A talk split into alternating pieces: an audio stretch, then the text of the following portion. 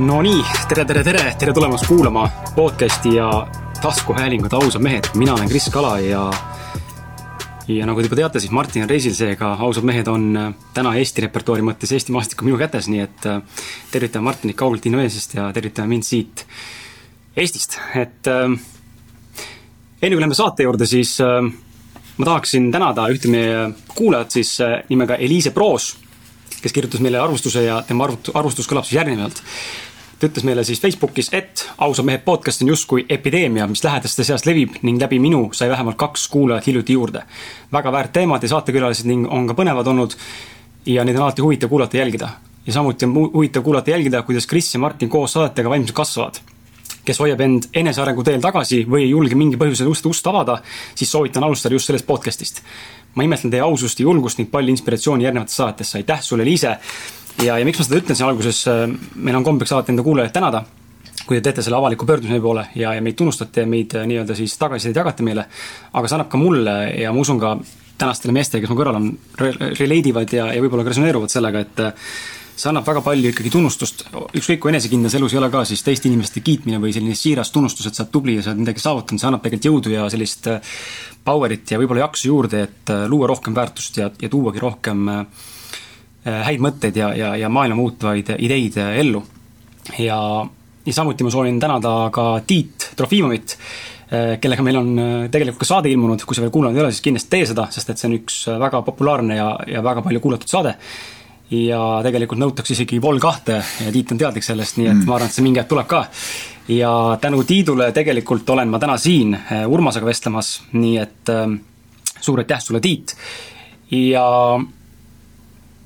jäi küll mulje, ma tänasin Tiitu nagu eh, eemalt distantsilt, tegelikult Tiit istub mu kõrval täna siin, nii et no, tere, tere, tere sulle.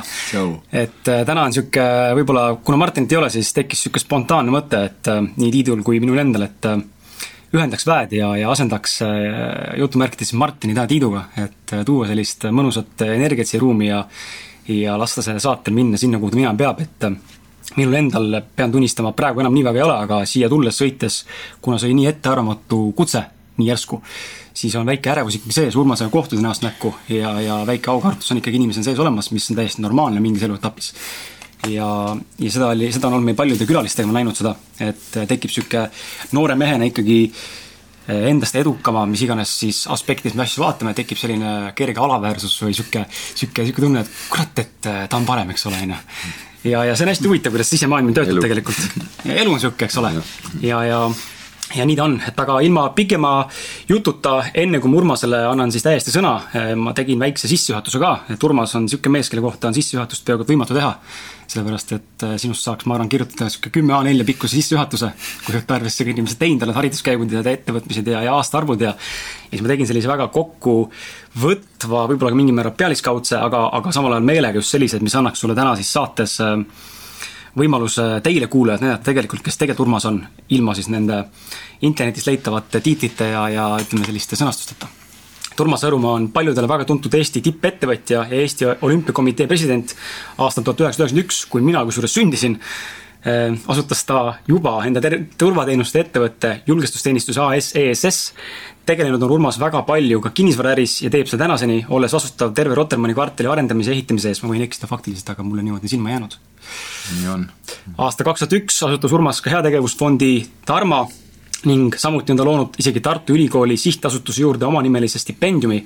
teda on Eesti Vabariigi poolt mitmel korral ka teenuste märgiga tunnustatud ja samal ajal Urmas ei ole ka ainult ärimees, vaid ka üsna sügava maailmavaatega ning vaimsete ja spirituaalsete valdkondade vastu tundev isiksus, kellel kuulub ka, kellele kuulub ka Adili Puhkkeskus e, ja Rotterdami kvartalis elutsev ja tegutsev Tao keskus. ja nüüd ongi see koht, kus ma ütlengi, et Urmas on see, kes siis tegelikult räägib, kes ta tegelikult täna on, nii et igasuguse alandlikkuse ja, ja sellise mehelikkuse ja armastuse ja hoolivuse ja siiruse ja tänulikkuse juures äh, tere, Tiit ja tere, Urmas! tervist! tere, tere! Et äh, aitäh, et sa oled siin ja leidsid aega! aitäh kutsumast, aga alandlikkus on üks hästi niisugune pühalik voorus.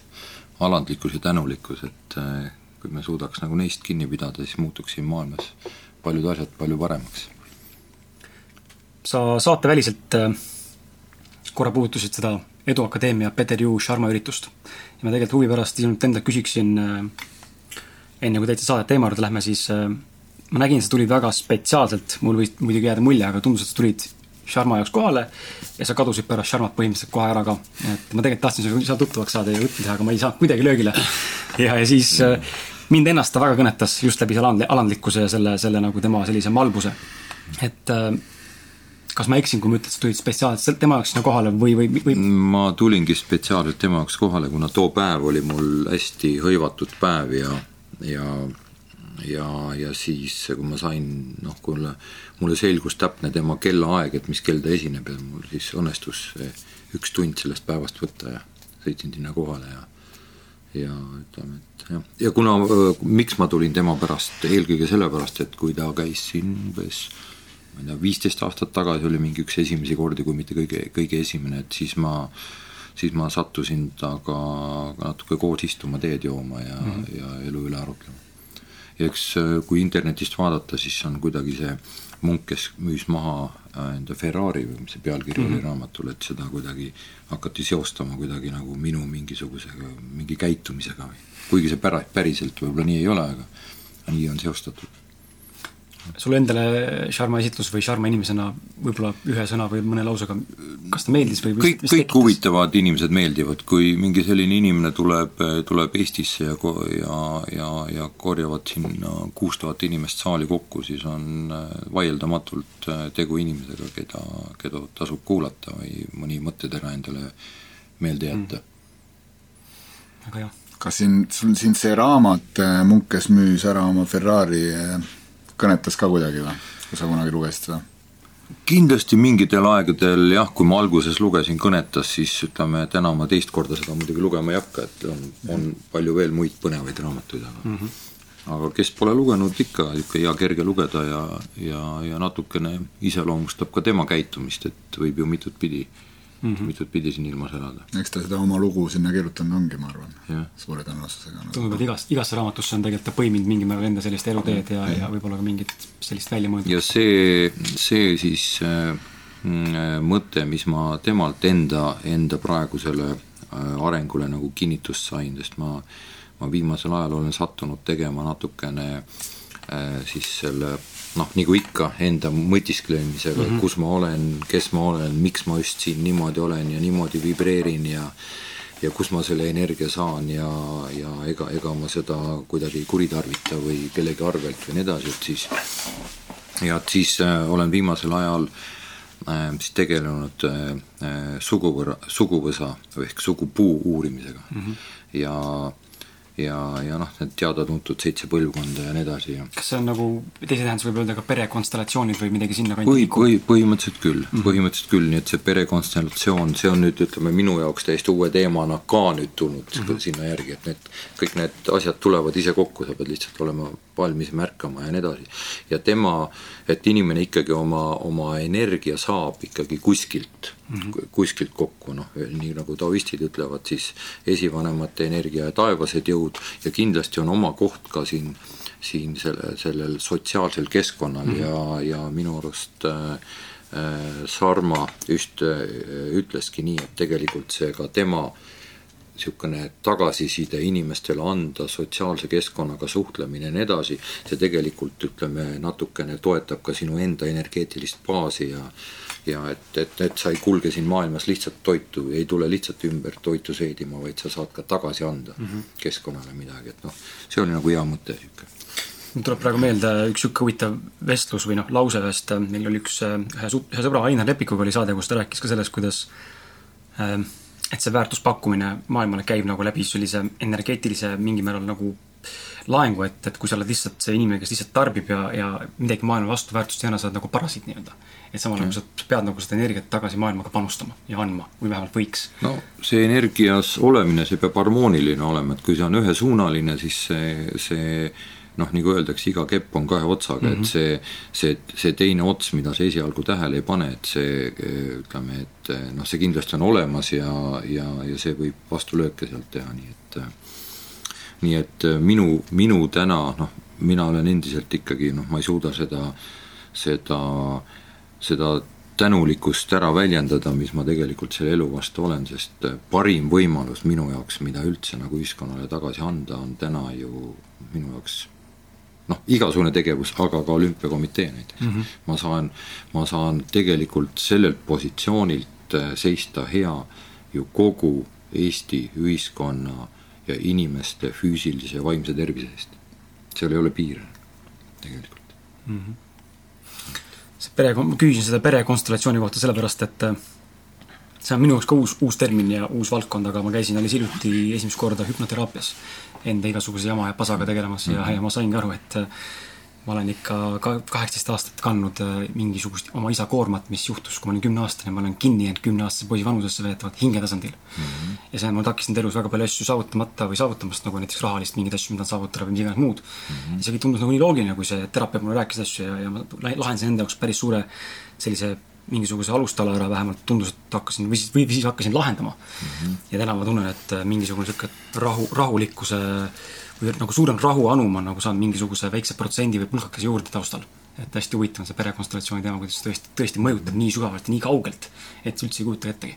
ise sinna jõuda, noh, ma täna ei oskaks lihtsalt noh, kui me mõistaks enda, enda vanemate ja vanavanemate käitumistki, siis, siis sealt saab juba hästi palju, hästi suure osa mm -hmm. tegelikult ja ja, ja noh, see, selline teema mind viimasel ajal kõnetab ja see on hästi huvitav ja ja, ja selles mõttes on see on see lihtne, et meil on, meil on täna ka palju võimalusi teadvustada tegelikult, kes meie eelnevad põlvkonnad olid, üsna lihtne on genist ka täna kätte saada juba enamustele oma seitse põlvkonda vähemalt, noh, kes tahab, võib rohkem võtta, aga aga mis siis nendega nagu peale hakata, et kuidas see siis energia võiks siis nagu toimida, et toimib ta lihtsal põhimõttel, kõigepealt sa teadvustad ja siis sa lood energeetilise ühenduse ja see energeetiline ühendamine on tegelikult äh, mäletamine mm. -hmm.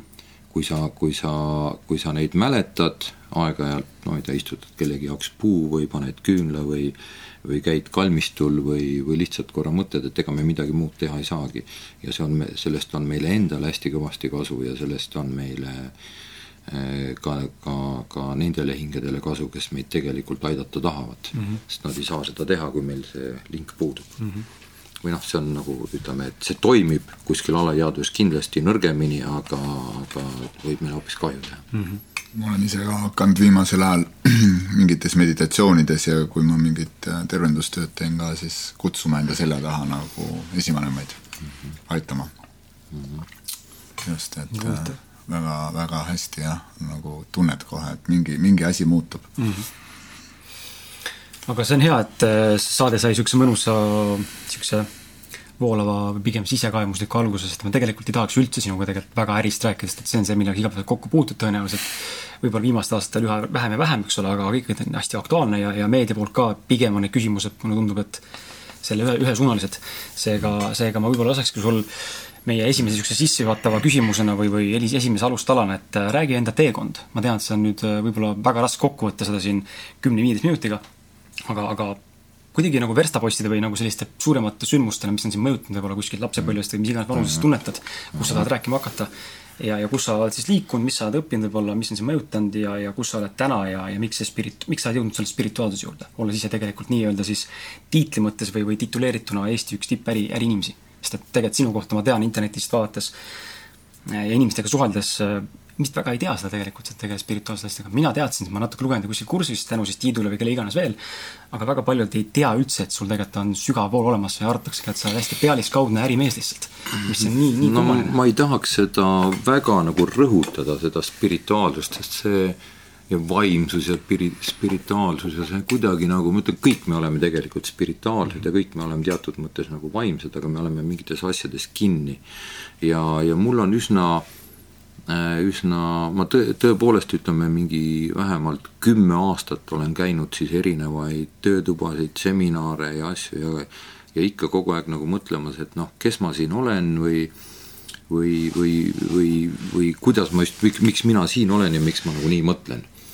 ja, ja siis sa satud nagu sealt igasuguseid asju kuulma, kõigepealt sa vaatad, et seal on nagu inimesi, kes on veel kümme ja rohkem aastat enne mind käinud taotlevad ikka ühiseid samuseid asju, tervist, õnne, ma ei tea, kes meest, naist, lapsi ja nii edasi, ja ikka neid ei ole. jõukust, raha ja kõike, ikka ei ole, no mis sa siis käid sinna? siis on kuskilt on ikkagi midagi nagu valesti, kas see, kas see, kas see küsimine või uskumine ei ole nagu piisavalt sügav või siis mingid asjad nagu ei toimi. no siis mõtled, et äh, huvitav, aga ikkagi, kes mina olen. et äh, kui suur osa on siis saatusel ja kui suur osa on siis, osa on siis äh, noh mis ma nüüd teen või et ma olen just, just niimoodi mõtlema sattunud.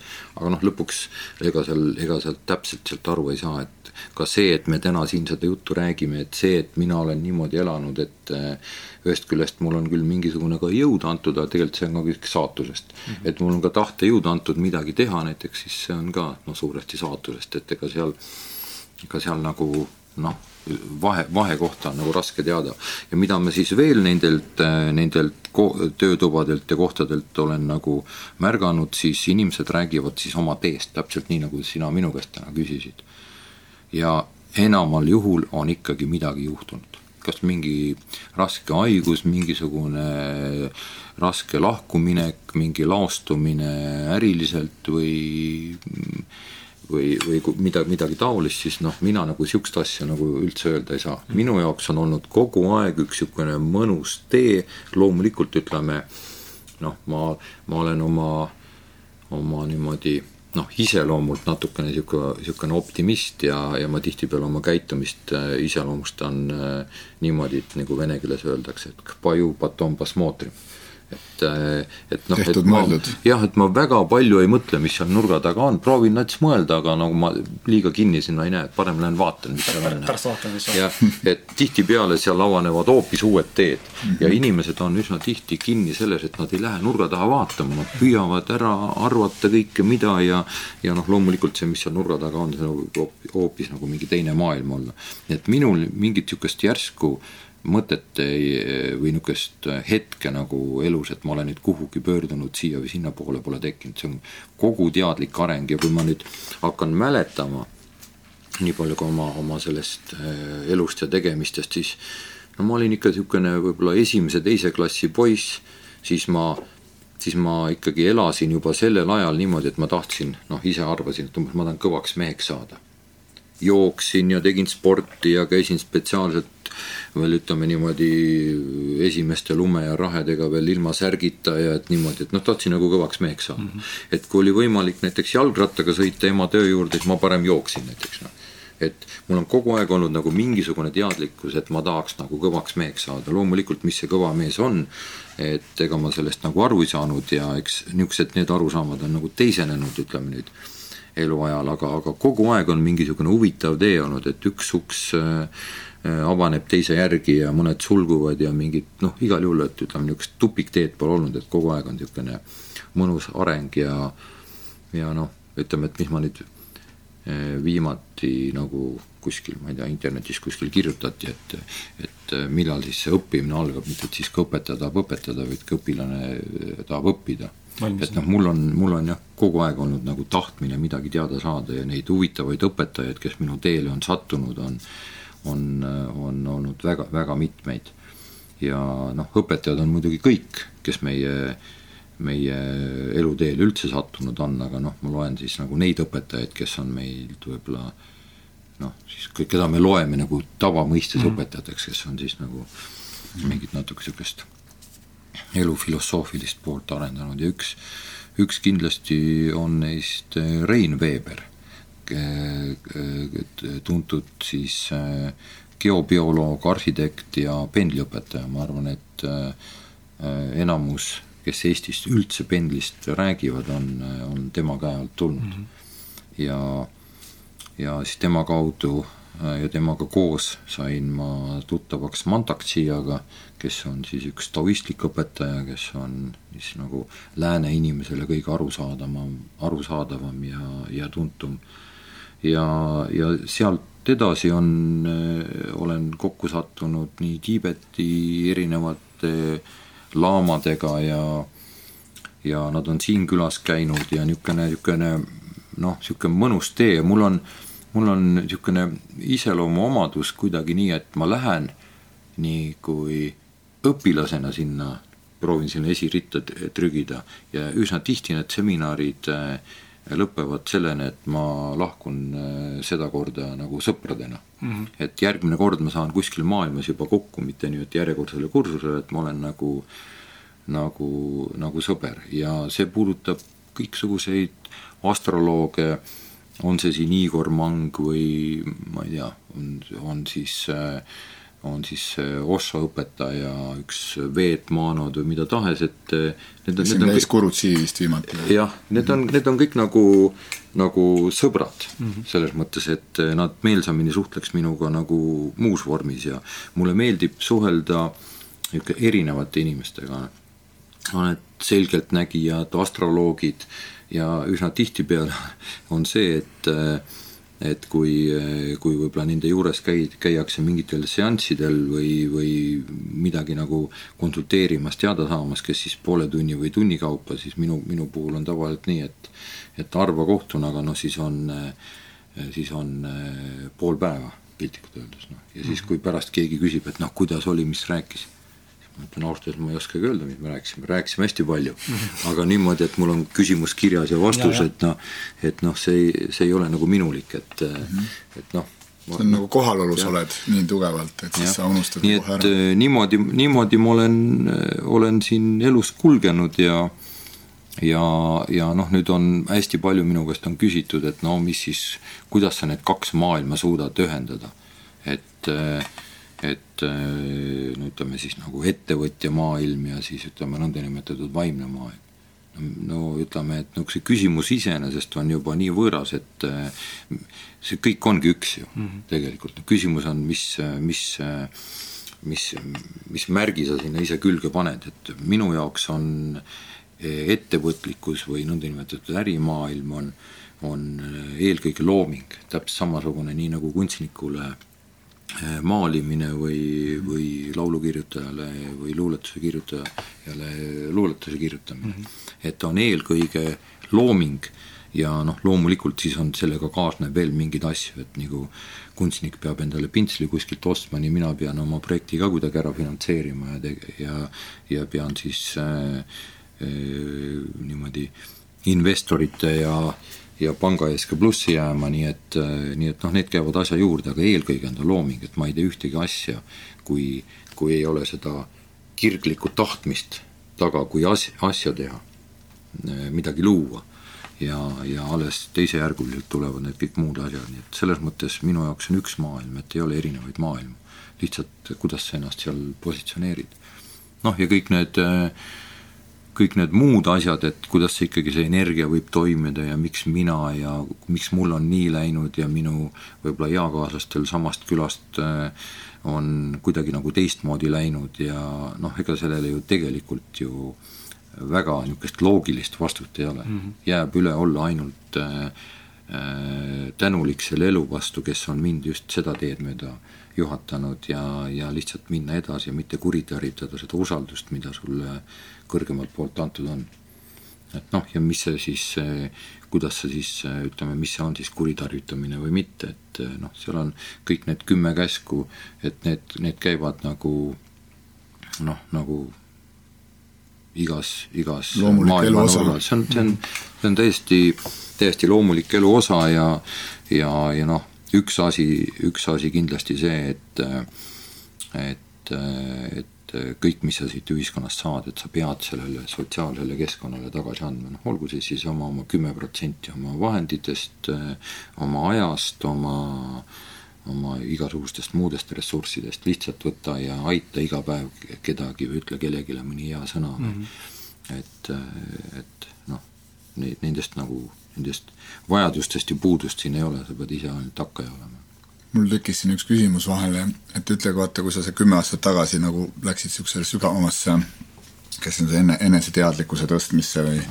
või kuidas keegi seda nimetab, et kas su äripartnerite osas hakkas ka midagi nagu muutuma, sest tihti on, vaata, kui keegi läheb nagu justkui vastuvoolu, hakkab ujuma, mis on nagu, üks on see, mis meil programmeeritud on ja süsteem nagu ette näeb, et kõik peaks nagu niisugused ühesugused olema ja kui keegi hakkab teistmoodi mõtlema, teistmoodi lähenema natuke teadlikkusega sellesse ärisse isegi, mida ta teeb, et kas siis äh, niisugused partnerid ja lähedased, esialgu juhtub tavaliselt see, et esialgu hakatakse kohe hukka mõistma ja Põrk, eemalduma ja põrkuma ja pärast tullakse küsima, kui aeg läheb mööda, siis vaadatakse, et kurat, see toimib tal. ja siis tullakse, kuule, õpeta mind ka, et ma tahaks ka samamoodi asju ajada. oli sul ka niimoodi või tegelikult mitte. noh, ma ei oska siin täna nagu ühtegi sellist äh, nimetada, pigem on need muutused tekkinud äh, jälle nii, nagu tarkades raamatutes eh, kirjas on, et noh, ma ütlen, minu niisugune täis tänulikkust elu on küll läinud nagu, nagu nii imelist rada mööda, et noh, öeldakse, et et poistel muutub siis ütleme, suur osa suhtlusringkonnast umbes iga kaheksa aasta tagant ja tüdrukutel siis seitsme aasta tagant et enam-vähem niimoodi, okei okay,, ütleme, et see seitse või kaheksa ei ole, ei ole seal niimoodi punkt nii täpne, aga ütleme siis niimoodi seitsmest kuni kümne aastani mm. -hmm. see on siis, mis toimub ennem kooli, mis toimub põhikoolis, kuhu sa siis edasi lähed, siis on üks töökoht, mingi teine töökoht ja nii edasi. mul on see läinud nagu, nagu niimoodi, et sa ei suuda lihtsalt ära imestada, noh loomulikult need koolis käimised on täpselt omaette asjad. Et noh, üks võib ju käia ja esimesest kaheteistkümnenda klassini üks, üks kool, mul on see läinud täpselt niimoodi, et äh, elasin niimoodi kuldsel kolhoosi ajal täiesti, täiesti maal nii metsikult kui üldse äh, elada annab, nii, nii looduse keskel, et äh, nagu ma ütlesin, et kevadel niimoodi kõvemad poisid ikka käisid jäätükkidega aprilli teises pooles ujumas ja sügisel panid särgi selga siis, kui juba lund ja rahet hakkas sadama et ja kui kõht tühjaks läks, siis võtsid tassi ja läksid, korjasid metsast marju mingisuguseid mm. -hmm. et äh, noh, ja siis kõik need kooliajad ja muud ajad ja kui nüüd lõpupoole vaatame, noh siis ma tegin mingil ajal mingisugust riigitööd, siis hakkasin nagu eraäri ajama, siis hakkasin tennist mängima näiteks, ütleme, et mingi periood, umbes kümme aastat olid enamus minu sõbrad olid tennist mängivad inimesed. Nendega siis puhati koos, tehti tööd koos ja, ja suheldi ja siis käis nagu väike plõks ja tuli järgmine muutus ja on, on teised inimesed.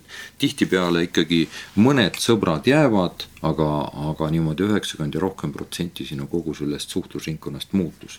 ehk ehk nüüd ütleme, see kümme aastat, mida sa nagu Tiit küsisid, et kümme aastat tagasi, et ega mu äh, nagu äripartnerid küll nagu muutunud ei ole ja keegi oma suhtumist ka muutnud ei ole, aga üldiselt üldine elu on muutunud, mul on lihtsalt tekkinud rohkem teisi sõpru, et, et ma nüüd ütleme, noh, igasugustel ettevõtjate kogunemisel ja lõunasöökidel ma nüüd küll kohal ei käi lihtsalt, et mitte, et mul selle vastu midagi oleks või keegi mind nagu võõristaks, aga mul lihtsalt ei ole huvi ja aega seal ise käia.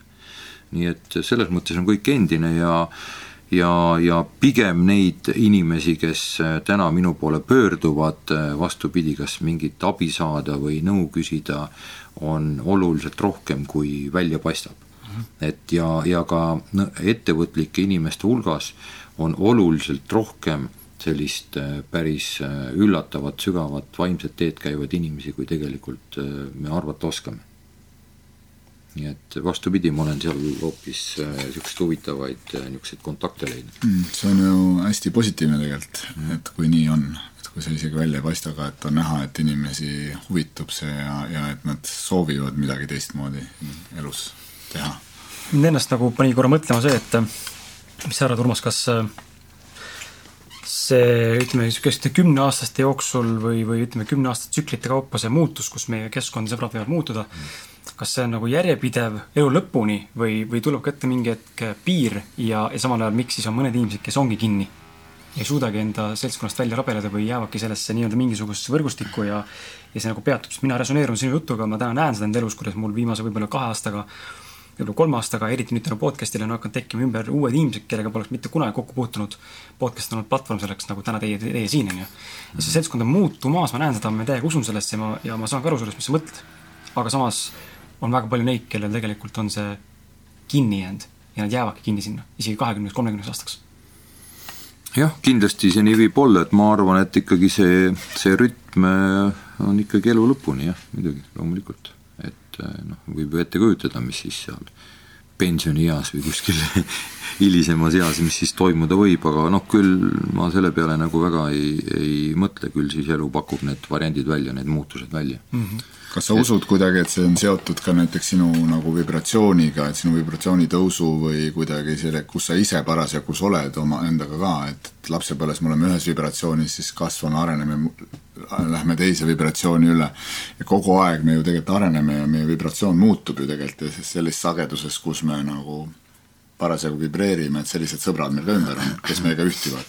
Või keda on vastu, oled sa selle meelt või on see pigem no nagu põhi, põhi, ei ta ei ole, ta ei ole üldse mingi müüt ja see vibratsioon on üks minu, minu lemmikteema, mida, mida minu hea õpetaja Rein Veeber on mulle, mulle õpetanud, aga noh, siin on nagu niipidi, et nagu me teame, et tegelikult lapsed vibra-, vibreerivad palju kõrgemalt kui mm., kui meie, loomulikult ega ma oma äh, minu hea õpetaja Rein Veeber ütles, et uh, Urmas, et inimene sureb nälga. ja see on nii tabav ütlemine, et uh, ma ei jõua seda lihtsalt nagu jälle järjekordselt ära imestada, et kui tabav see on, et mis tähendab siis nälga. no kõigepealt inimene sureb põhimõtteliselt energianälga, mineraalide nälga. et et on siis kaks, kaks põhjust, et üks, et ta ei saa neid, neid ei ole piisavalt ja teine, et sinu organism ei, ei omasta neid. ehk organism on siin, on noh, piltlikult öeldes kõigile arusaadavalt, ta on seest must, limane eelkõige, siis, siis sinu rakk ei saa seda mineraali kätte, siis tekibki sul vananemine, kustumine ja nii edasi ja väheneb sinu vibratsioon, noh, see on, üks on äh, üks on siis need mineraalid, aga teine on kõik muu energeetika, mis siin mm. ümber on, sealhulgas need arvutid ja ja muud asjad ja siis sa vaikselt niimoodi kustudki ära, nii et ütleme, et et noh, oma iga, igapäevaste tegemistega nagu puha, puhta, puhaste toitumiste ja igasuguste joogade ja spordi ja võimlemise ja muude asjadega ja mediteerimistega sa suudad seda küll, seda aeglustada, seda vähenemise kiirust, aga, aga vähened sa igal juhul, nii et noh, lapsed on ikkagi kõrgema vibratsiooniga reeglina kui, kui vanemad inimesed. ja sellepärast valid viimasel ajal ka rohkem seda aega, kus sa vabal ajal veedad, et just seda linnas väljas viibimisaega, et värskes ja puhtas õhus ja jah, loomulikult. ja noorte inimeste keskel, kes vibreerivad kõrgemalt. seda on märgata mis mulle tegelikult äh, sinu selle esimese nagu sellise vastuse poole juures äh, jälle kõrvu jäi, oli see, et seesama näide, et et selle asemel minna rattaga kooli, sa otsustasid joosta. et sa valid nagu, valisid nagu nii-öelda sellise teekonna, kus sa tahtsid ennast rohkem nagu mitte tõestada, aga tunda, et ma olen mees, ma olen tegija. pitsutada. pitsutada. aga see on väga huvitav, sellepärast et äh, olles ise nüüd äh, jälginud võib-olla viimasel kolme aasta rohkem Sharmat, aga ka samal ajal paralleelselt teisi inimesi, kes on ka väga edukad ja, ja võib-olla sellised suuremeelsed, suured tegijad maailmas, siis väga paljud rõhutavad seda, et äh, enda pidevalt äh, ka alateadlikult või siis teadlikult ebamugavustsooni panemine, mis tegelikult on ju ebamugav on joosta, kui minna rattaga, see on raskem ületus, see on raskem nagu nii-öelda teekond võib-olla, aga et ennast teadlikult raskemasse situatsiooni panna, et saada paremat või suuremat hüve enda kasvule, tundub nagu see, mis sa mingil määral kirjeldasid, ma võin eksida. Et kas see nagu peab paika ja, ja või kuidas sa sellega resoneerid? ma ütleme, et mitte väga. Ma ei ole selle peale mõelnud, et, et just mul nüüd raskem peaks olema, küllap ma mõtlesin, et ma siis äh, saan rohkem higistada, treenida, et mitte et selleks, et omale raskust luua, vaid vastupidi, et võib-olla rohkem areneda. ma mõtlesingi just seda, et raske on nagu, et rohkem areneda. jah, et äh, aga mina, nagu ma ennem ütlesin, et ma pooldan sellist taoistlikku ellu lähedam-, lähe- äh,, ellu lähenemist, et et tegelikult elu on loodud nautimiseks. Ja, ja ütleme, igasugused kunstlikud raskused ja, ja endale nende raskuste tekitamised ja siis nende kangelaslik ületamine. no näiteks noh, et siin nagu täpsemini aru saada, siis põhimõtteliselt ega nad väga ei poolda sellist äh, paastumist ja nälgimist mm. -hmm. ja, ja meil on üsna tihti ühiskonnas ju niimoodi, et äh, inimesed siis äh, ajavad igasuguseid asju näost sisse ja siis võtavad ja paastuvad ja nälgivad ja siis jätkavad jälle samamoodi. Aga nad ütlevad, et aga hakka korralikult sööma. järjepidevalt. jah, hakka kohe, hakka kohe praegusest, homsest või tänasest päevast hakka korralikult sööma ja see kõik läheb plaksti paika. et selleks sa ei pea siin nüüd, ütleme nüüd nälgima või paastuma. noh, seal paastumisel, nälgimisel on muidugi omad asjad, kui sul on vaja, miskipärast sul on vaja kiiremini organismi mm -hmm. puhastada, mingid haigused, asjad mm, -hmm. muud probleemid, aga aga iseenesest, et et äh, jah, et noh, iseendale ei pea raskuseid ette kuku, kutsuma, neid tuleb niikuinii elus. rääkides sellest, äh, aga läheks korra võib-olla puudutaks niisugust tervist, sest et sa tundud mulle niisugune elujõuline, terve, terve mees olevat ja ma tean, et äh, sa teed ka ja oled teinud väga palju sporti oma elu jooksul ja ilmselt ka teed täna. võib-olla räägiks äkki sellest samast tervislikkuse olulisust võib-olla ja, ja mis on sinu selline, ma ei teagi ma ei, sa ei pea küll oma dieeti mainima, aga, aga mis on need, millele sa võib-olla tugined, mis, mis on sinu jaoks nagu tervislikkus? nii, nii füüsilise võib-olla ka, kui ka toidu mõttes võib-olla? no kõigepealt ikka mm, ikka seesama, et sa siin maailmas vibreerid võimalikult harmooniliselt ja suhestud selle maailmaga.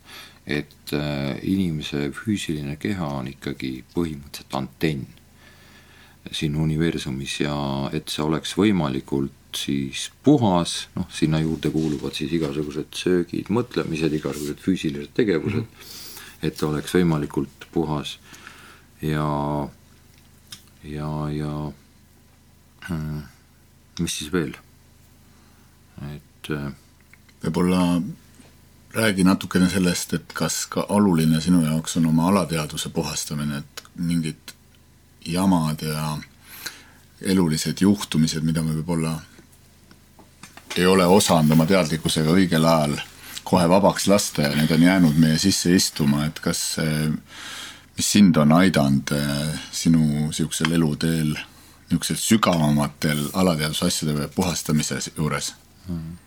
no ütleme, et jah, kõigepealt, et me vibreeriks võimalikult hästi siin maailmas ja, ja noh mul on jälle minu hea õpetaja Rein Veeberi poolt on tegelikult äh, äh, olnud võimalus õppida ise käsitlema pendlit ja noh, oskan seda omast arust täitsa niisuguse keskpäraselt. ja tegelikult iga, igaüks oskab ja ja küsimus on see, et kui, kuidas sa seda siis, seda vibreerimist tunnetad ja ja mõõd-, mõõdame seda siis valguse vibratsiooni ühik on angström selline mm ja ja, ja siis on niisugune kena tabel, mis siis lõpeb kuskil seal mingi viisteist, kuusteist tuhat angströmi ja umbes sellise vibratsiooniga inimene siia ilma ka vibreerib, tähendab, sünnib. Ja, ja siis loodus keskmisena on kuskil seitse koma kaheksa tuhat angströmi, loomulikult on looduses siis niisugused kõvemad energiakohad, mis võivad ollagi, olla suuremad kui sinu vibratsioon, ka näiteks kuusteist, seitseteist tuhat, aga kindlasti on looduses ka nullkohad mm. -hmm.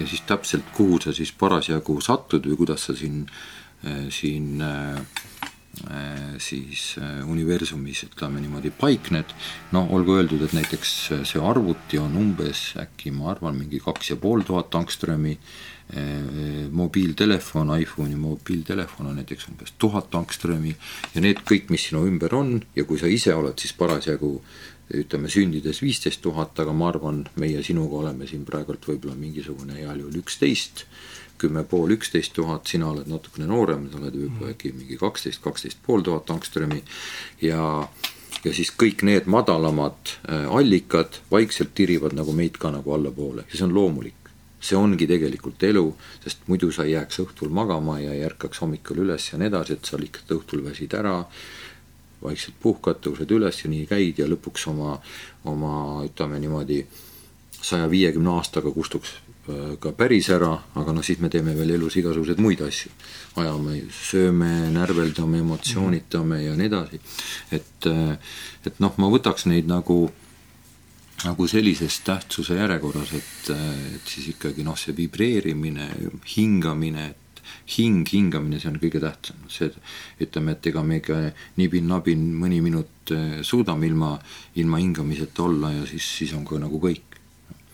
järgmine kindlasti asi on, on eh, puhas vesi puhas vesi, kas ja vee vibratsiooni saab ka samamoodi mõõta, et ütleme, head allikaveed hea kõrge vibratsiooniga kohast on praktiliselt äh, samasugused kui äh, kui sina, et kui ma võt-, vibreerivad samamoodi kui sina, et kui ma mhm. võtan siit sedasama Saku Lätet näiteks, siis see on päris hea vesi, aga ta vibreerib umbes kaheksa tuhat angströmi. aga kui ma lähen Oostriku suurallikalt ja toon sealt allikavett, siis, siis see vibreerib umbes üksteist ja pool tuhat angströmi ehk see on, see on täpselt see, mida minu rakule täna nagu tegelikult mm. nagu vaja on, nagu, nagu, nagu vee mõttes noh, eeldades, et siis organism võiks ise ka puhas olla. ja inimeste organismid on natukene erinevad, aga noh, ütleme, paljud asjad on, on kattuvad, minul näiteks, minu kõige kahjulikum asi minu organismile on, on näiteks gluteen. järgmisena on rasv, no põhimõtteliselt on enam-vähem samal tasemel, et nad umbes mulle mingi seitsekümmend protsenti on sellest kahju ja kolmkümmend protsenti on kasu. ja, ja näiteks süsivesikud eh, ei ole mulle nii kahjulikud kui võib-olla mõnele teisele mm. -hmm. mõnel teisel võib olla laktoosid on mul umbes kolmkümmend protsenti kahjulikud, mõnele võib olla laktoosid hoopis seitsekümmend protsenti, gluteen ei ole nii kahjulik, süsivesikud on ka hästi kahjulik ja rasvad ei ole kahjulikud.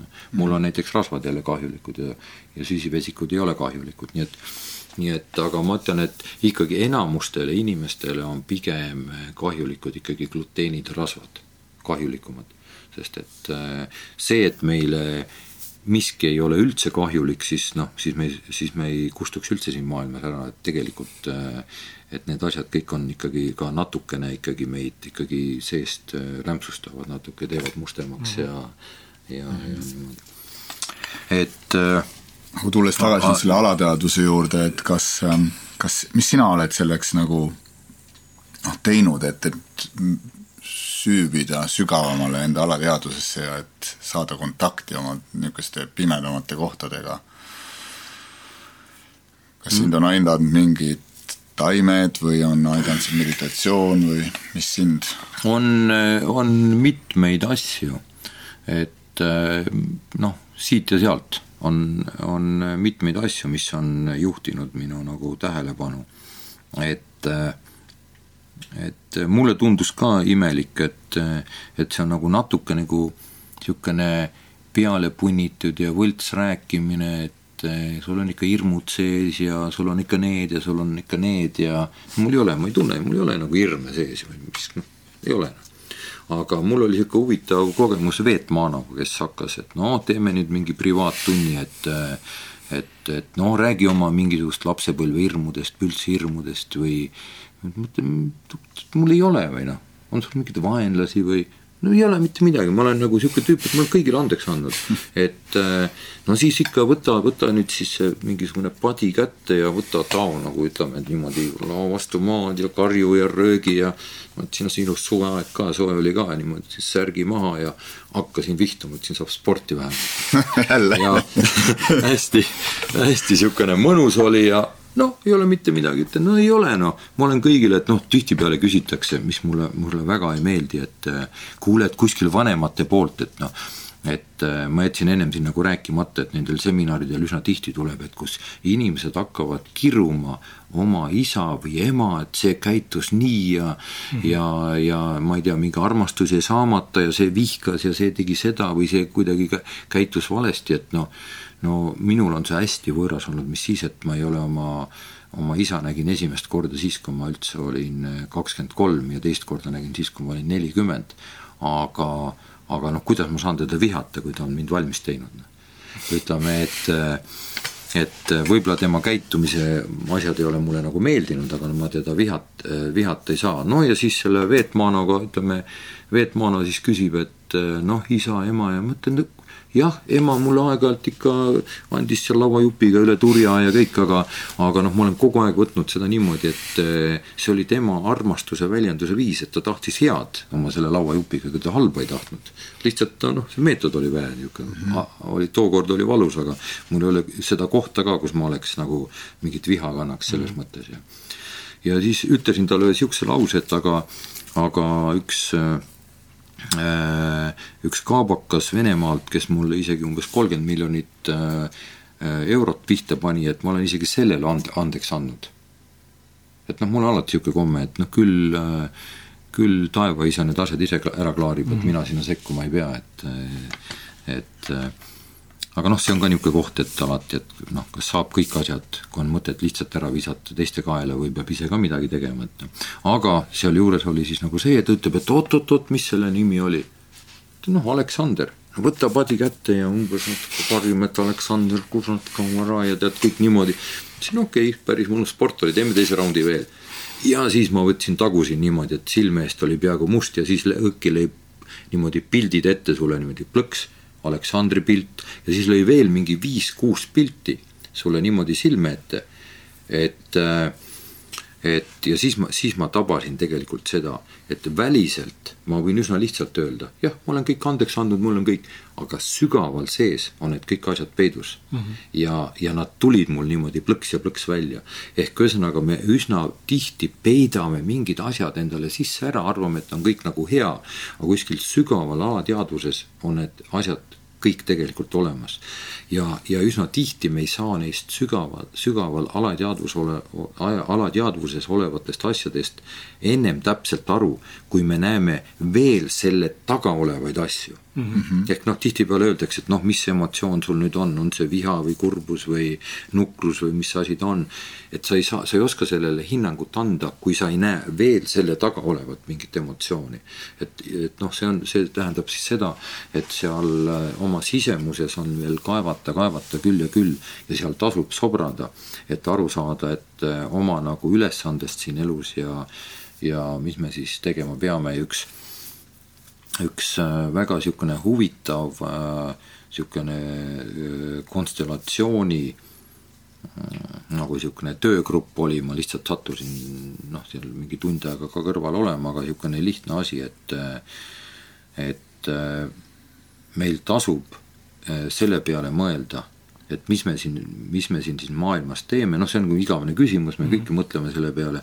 ja see, see konkreetne juhus oli siis selline, et inimene, kes siis hakkas oma suhtest rääkima ja ja ta nagu, nagu me tihtipeale hakkame suht, suht, suhtest rääkima, et me otsime neid väliseid punkte, et noh, see mees ja need lapsed ja see ema ja need sõbrad ja need kõik on nagu, ei käitu kuidagi nii, nagu ütleme, et eh, nagu, nagu mulle vaja on mm. -hmm. aga me unustame ära ehk meie kõik tõmbame need sõbrad ja äh, ütleme, need muud tegelased, õpet-, olukorrad endale ligi, sest meie ise seest vibreerime niimoodi.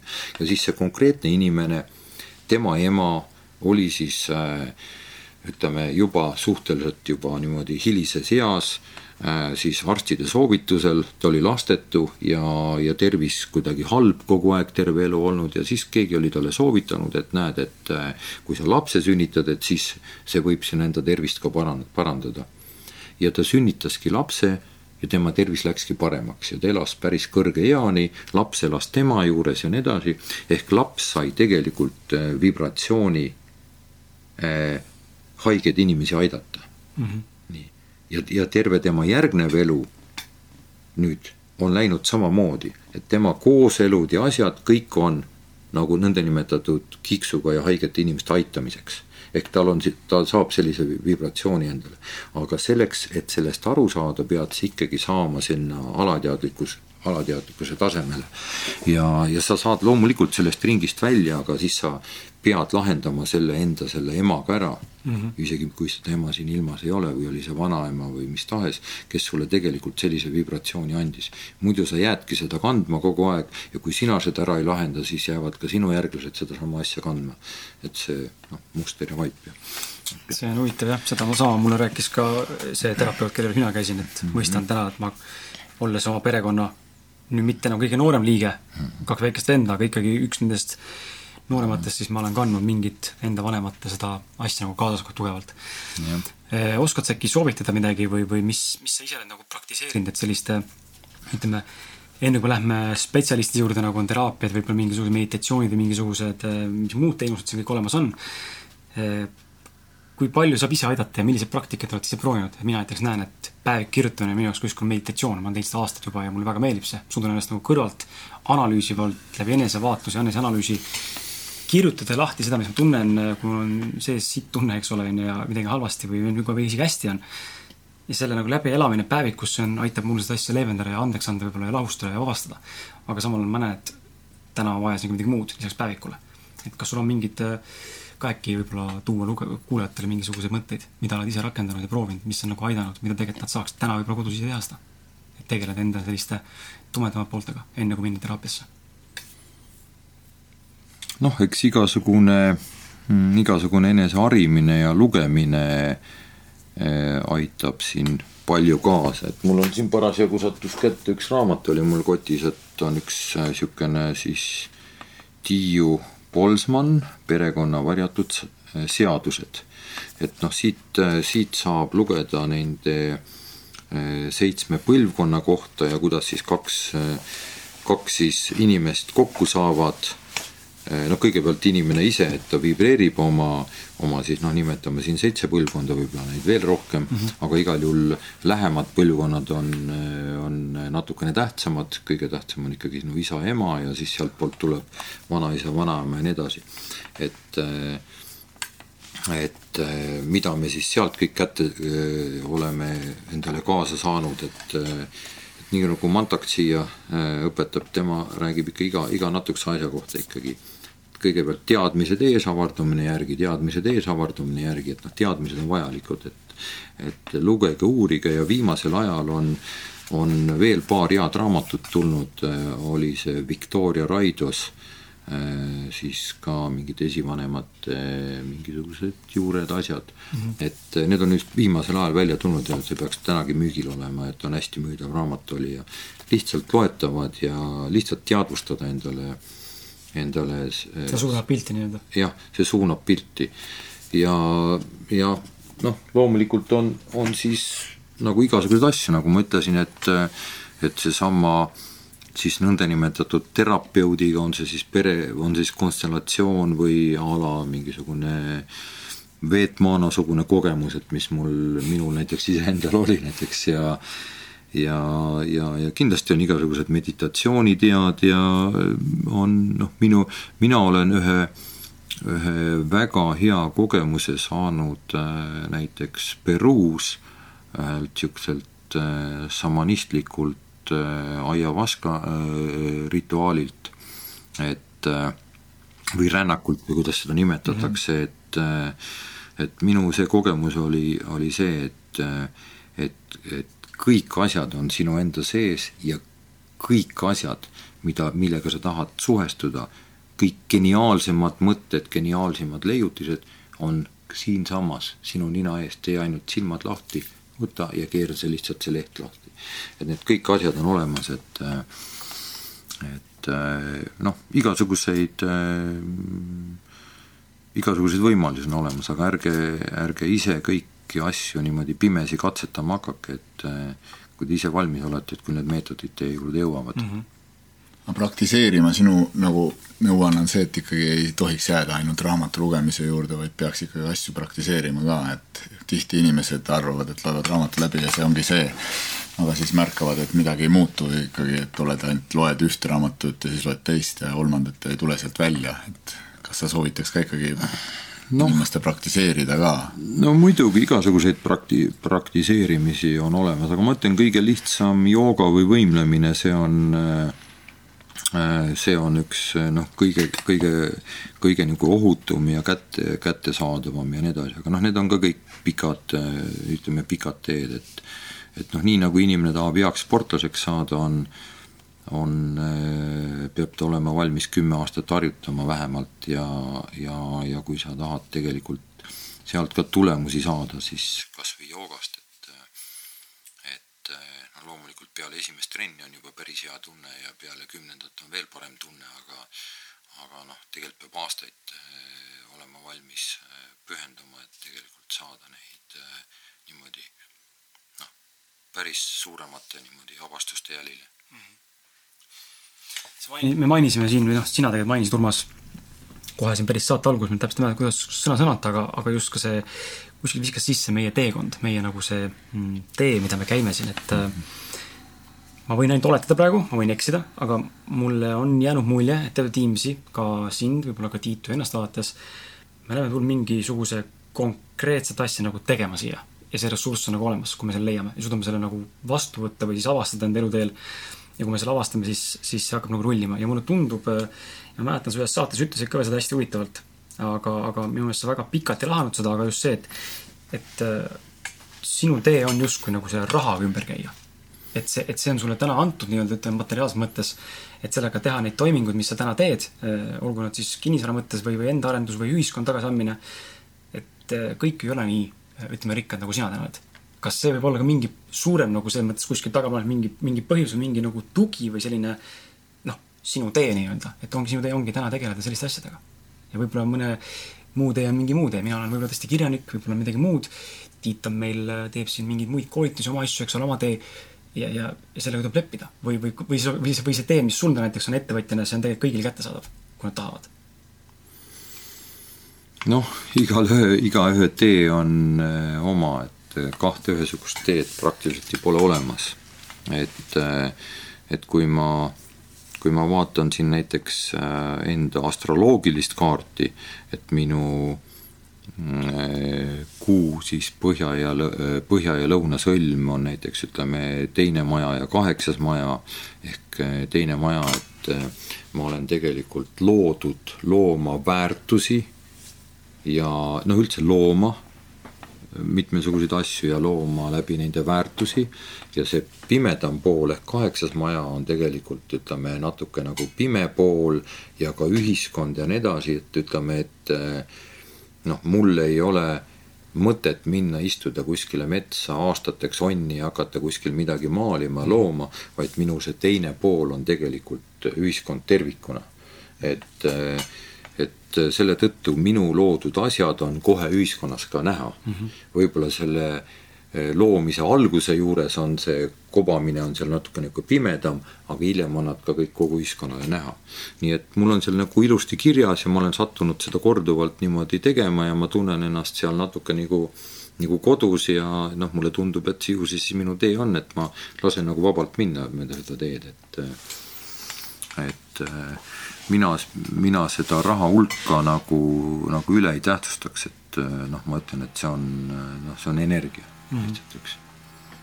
kuidas võib-olla, kuidas võib-olla leida enda teed, kui sa oled täna, oletame, et äh, sa oled täna inimene, kes äh, otsib ennast vahet pole mis vanuses? võtke oma sisemine pendel kätte ja tehke endale tabel näiteks ja no ma siin praegu koha peal fantaseerin, sest mis on pendel, pendliga sa võid küsida igasuguseid asju, homse ilma kohta, oma mees- või naisenergia äh, suhte osakaalu kohta praegusel momendil sinu organismis või, või äh, oma noh, ma ei tea, tule, tule, tulevikku mingeid asju või tee omale tabel, kirjuta sinna mingid valdkonnad, mis sa tahad, vaata, mis see kõige õigem valdkond on, kus sa minema pead hakkama näiteks. ja, ja noh, ma tean tegelikult inimese kõige äh, kõige parem pendel on ju tema end-, keha ise või, või noh, isegi no näiteks käsi. kui sa oled pimedas metsas eksinud ja täiesti kottpime ja kuhugi poole minna ei ole, siis lase oma käel õrnalt kõikuda ja pöörle ümber oma telje ja tunned, ühes suunas hakkab kuidagi kergemalt minema, nii et siis võid sinna suunas minna ja mm, -hmm. ja, ja suure tõenäosusega jõuad koju kas sul on muidu see astroloog, astroloogid eh, on sulle ka nagu, vaadates sinu sünnikaarti, öelnud, et, et sa oled see inimene, kus sa praegu oled, et see ongi sinu tee või? põhimõtteliselt küll jah, mina käin, käin sellist teed, et äh, imestad küll, et äh, kuida-, kuidas see astroloogiline kaart siis on tekkinud, et mingi nelja-viie tuhande aasta vältel mingite vaatluste tagajärjel on siis mingisugused üldised arusaamad paika pandud ja ja noh, see, see tundub sulle sarnane et noh, tundub nagu sinu tee olevat, aga noh, siin on igasuguseid ju naljasid räägitud, et trükiti ka kellelegi klassis jagati astroloogiliselt nagu mingid kaardid jagati kõigile kätte ja kõik lugesid ja praktiliselt kõik tundsid seal ennast ära suhteliselt palju ja ja siis öeldi, et nüüd, nüüd andke kõik üks pingirida edasi Eh, oma see kaart ja siis lugege uuesti, et tuli välja, et kõik klassi kolmkümmend õpilast, kõik olid täpselt sama jutu saanud ja kõik leidsid seal enda jaoks midagi et, et aga, aga noh, niisuguseid jutte on ka muidugi räägitud, aga, aga noh, ma ütlen, minul on seal ikkagi suhteliselt palju kirjas, aga aga noh, ega seda astroloogiat ei saa selles mõttes üle tähtsustada sellel tasemel nagu nii nagu mina sellest aru saan või nagu enamus inimesed aru saavad. enam, noh, suhteliselt paljud lihtsalt äh, kirjutavad ajalehes mingisuguseid eh, noh, nats nagu niisuguseid mõttetusi lihtsalt eh, tiraaži läbimüügi eesmärgil ja siis ilguvad selle kallal. aga, aga kui minna nüüd nagu aste sügavamale ja vaadata neid eh, kahteteist planeeti ja, ja neid maju ja nii edasi kõik, siis mina nimetan seda taset ainult nii paljuks, et sa saad aru, et äh, kus on mets ja kus on meri ja kus on äh, linn. et sa äh, linna asemel merre ei satu või metsa, et noh -hmm., vähemalt selle suuna sa paned nagu paika. aga kui sa tahad ikka väga sügav, sügavale minna, siis seal on ikka oi-oi kui palju kirjas. ja alles üks päev ma sattusin lugema mingit niisugust ütlemist, et äh, täpselt nagu taoistidki ütlevad, et et äh, igale inimese Äh, miljarditele ja miljarditele rakkudele vastab üks pulseeruv taevakeha seal mm -hmm. üleval. ja, ja sellepärast me kõik nii erinevad olemegi, et, et siis niisugune ülim meditatsioon on siis, kui sa tegelikult äh, suudad, suudad kogu selle universumi siis ütleme siis pulseerumisega nagu üheks saada mm. -hmm. et noh, hakkab see sellest pihta, et eh, noh, taevaväravaks loetakse siis Põhjanaela ja sellega on sinu käbinääre ühenduses, siis kõik sinu muud ajuosad on siis põhja või siis suure vankri erinevate osadega, noh, ja kuni siis nende miljardite tähtedeni välja. ehk tegelikult me oleme üks pulseeruv äh, osa siin suures tervikus, nii nagu mm -hmm. meie iga rakki on noh, põhimõtteliselt, et noh, see on niisugune niisugune minu arusaam sellest, sellest pulseerumisest siin. et, et sinu hing tuleb sealt taevavära, väravate kaudu siis äh, esimese niisuguse hingetõmbega ja sinna, sinna viimase hingetõmbega ta sinnapoole ka lahkub mm. -hmm. huvitav.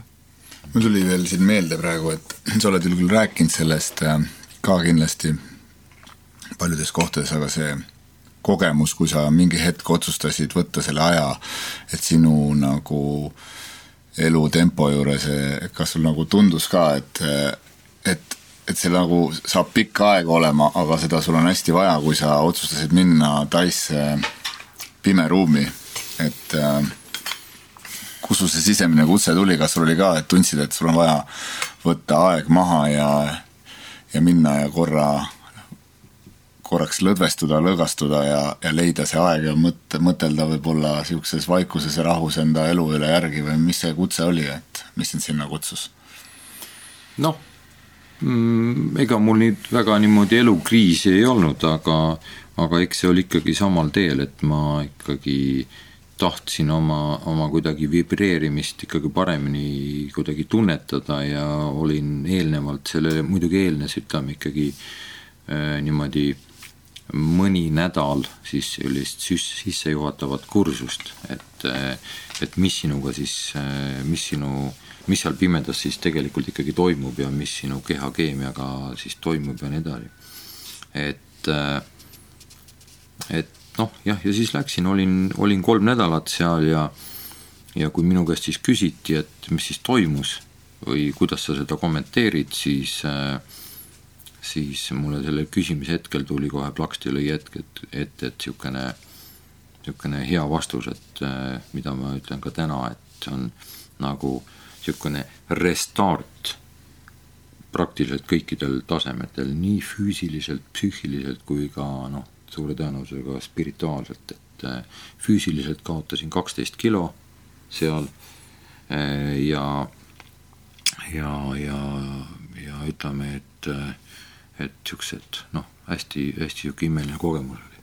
soovitakse seda inimestele, et võtta niisugune kogemus, ma ei tea, kas nüüd kolm nädalat on ikka päris kõva ettevõtmine, aga no, mingit ka... aega niisuguse iseenda olemisega? noh, siin ega selleks ei pea ainult Põhja-Taisse minema, vaid äh, siin ka Eestis toimuvad äh, sellised, äh, on, on selline võimalus, aga minu isiklik kogemus on ikkagi nii, et äh, et see õige moment algab peale kümnendat, üheteistkümnendat, kaheteistkümnendat päeva, kus sul mm -hmm. noh, selles äh, taoistlikus kirjanduses on, äh, on seal nagu väga ilusti kirjas, et enam-vähem, mis perioodidel, mis ajukeemia sul seal tööle, tööle hakkab, aga tasapisi hakkab ajukoor kontrolli kaotama ja no ma ütlen tõepoolest, et kuskil võib-olla mingil viieteistkümnendal päeval, et siis sa äh, siis sa vaatad oma unenägusi nii nagu telekanaleid, et valid, et okei okay,, see esimene, see ei ole huvitav, see teine on päris huvitav, vaata nüüd seda natukene. et noh, niimoodi hakkad seal vist ise mingis, ma olen ise kümme päeva olnud, ega mingist hetkest ei saanudki enam aru, kas sul on silmad kinni või lahti või et kõik kogu aeg oli ühesugune üldse, sa oled kott pimedas ja mingil hetkel lööb sul nagu kogu ümbruse valgeks, et sa paned käed silmad ette niimoodi, vaatad, et huvitav, kas see tule põlema on pandud, ei mm -hmm. No, ei ole, tuld, tuld ei ole, aga täitsa valge on kõik. nagu küünal põleks nagu kuskil ruumis. Mhm. et äh, ja, ja siis, kui olid juba niisugune kahekümnes päev või üheksateistkümnes, kahekümnes päev, siis mõtlesin, kui siit nagu paari päeva pärast välja saad, siis ma ei taha ka minna. et sul hakkab nii, nii, nii hea hakkab seal olema, et aga noh, see ei ole mingisugune mingi tänapäevane kiiks, et äh, juba, juba Araabia juhtide hulgas oli, oli üks Türgi sultan või Osmanite impeeriumi uh -huh. sultan oli seal niimoodi, et peale seda, kui ta oli oma parima sõbra ja poja lasknud ära tappa, et siis äh, tema isiklik arst saatis ta neljakümneks päevaks näiteks pimeruumi enda meelt ravima.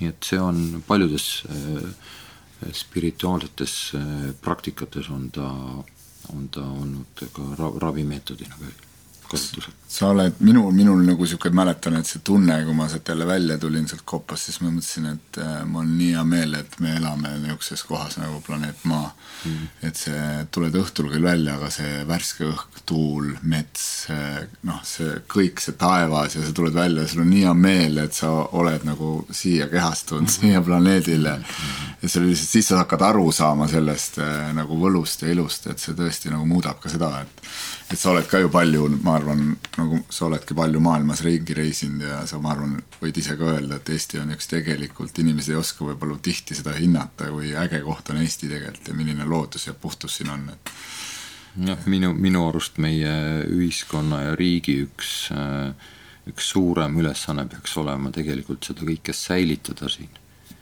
Sellisena, et mitte, mitte lõhkuda seda ära, ära mingi majanduslik tuleviku siis niisuguse heaolu ja arengu nagu eesmärgil, sest me teame, et äh, see eluring on nagu nagu üsna kiiresti minema selle peale, et noh, paljud ettevõtjad näiteks ütleme, kui äh, ajad siin varandust pool elu kokku ja teine pool elu siis kulutad seda oma privaatsuse, tervise ja kõige muu säilitamiseks, aga kui ma võtan riigi tasandil ja teeme seda samamoodi, siis see ring on täpselt samasugune et no siis tasub ikka, ikkagi kordi ja kordi kaaluda, et eh, selle majandusliku heaolu nagu tagaajamine, see peab olema kuidagi, seal peab hästi targalt käituma. loomulikult me tahaks, et kõik meie riigi inimesed võiks istuda istuda vabalt lennuki peale, sõita, vaadata erinevaid maid, puhata ja nii edasi, selleks on kindlasti raha vaja, aga, aga noh, seda ei saa teha millegi arvelt mm. -hmm. et noh kuskil on mingid,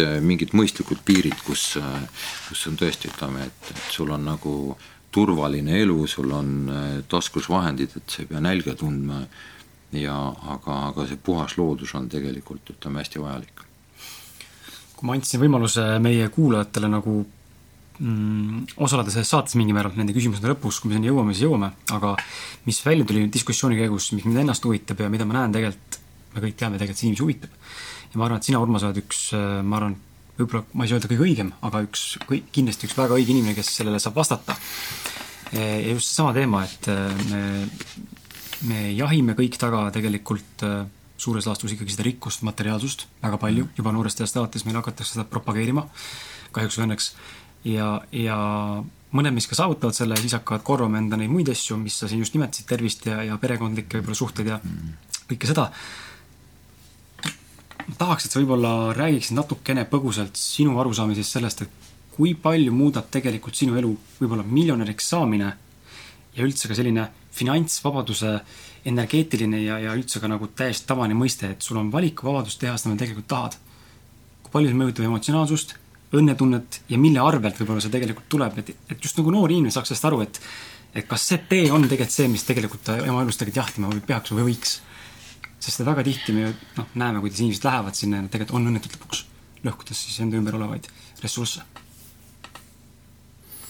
noh, me elame siin maailmas juba niimoodi, et eh, noh, sööki me peame ostma, oma peavarju, kui suudaks kinni maksta, no siis tahame kuskilt maailmas ringi ka käia, lennata, et ütleme, et päris ilma selleta ei saa siin mm. hakkama. et et et noh, et siis seda saada, siis tuleb usinasti tööd teha.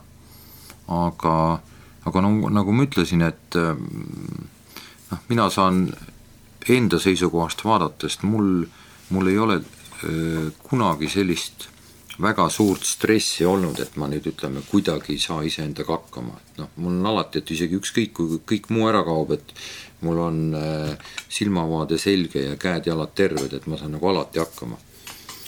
aga, aga ma nüüd äh, noh, natukene ise naudin seda küll, et äh, ma olen nagu loonud endale võib-olla natukene sellise imidži, et äh, et noh, pigem minu see rahaline rikkus ja väärtus on seal Äripäeva edetabelites kuskil kirjas, aga mind see ennast tegelikult ei, ei su-, ei suru ja, ja ma ei ole endale ka niimoodi niisuguseid uhkeid asju eh, endale mm, niimoodi hankinud mm, -hmm. et see mind nagu häirima hakkaks, aga ma olen natukene näinud inimesi või noh, näen ka täna inimesi, kellel on tegelikult palju vahendeid, uhked asjad ja kui koormavaks see tegelikult neile läheb, läheb.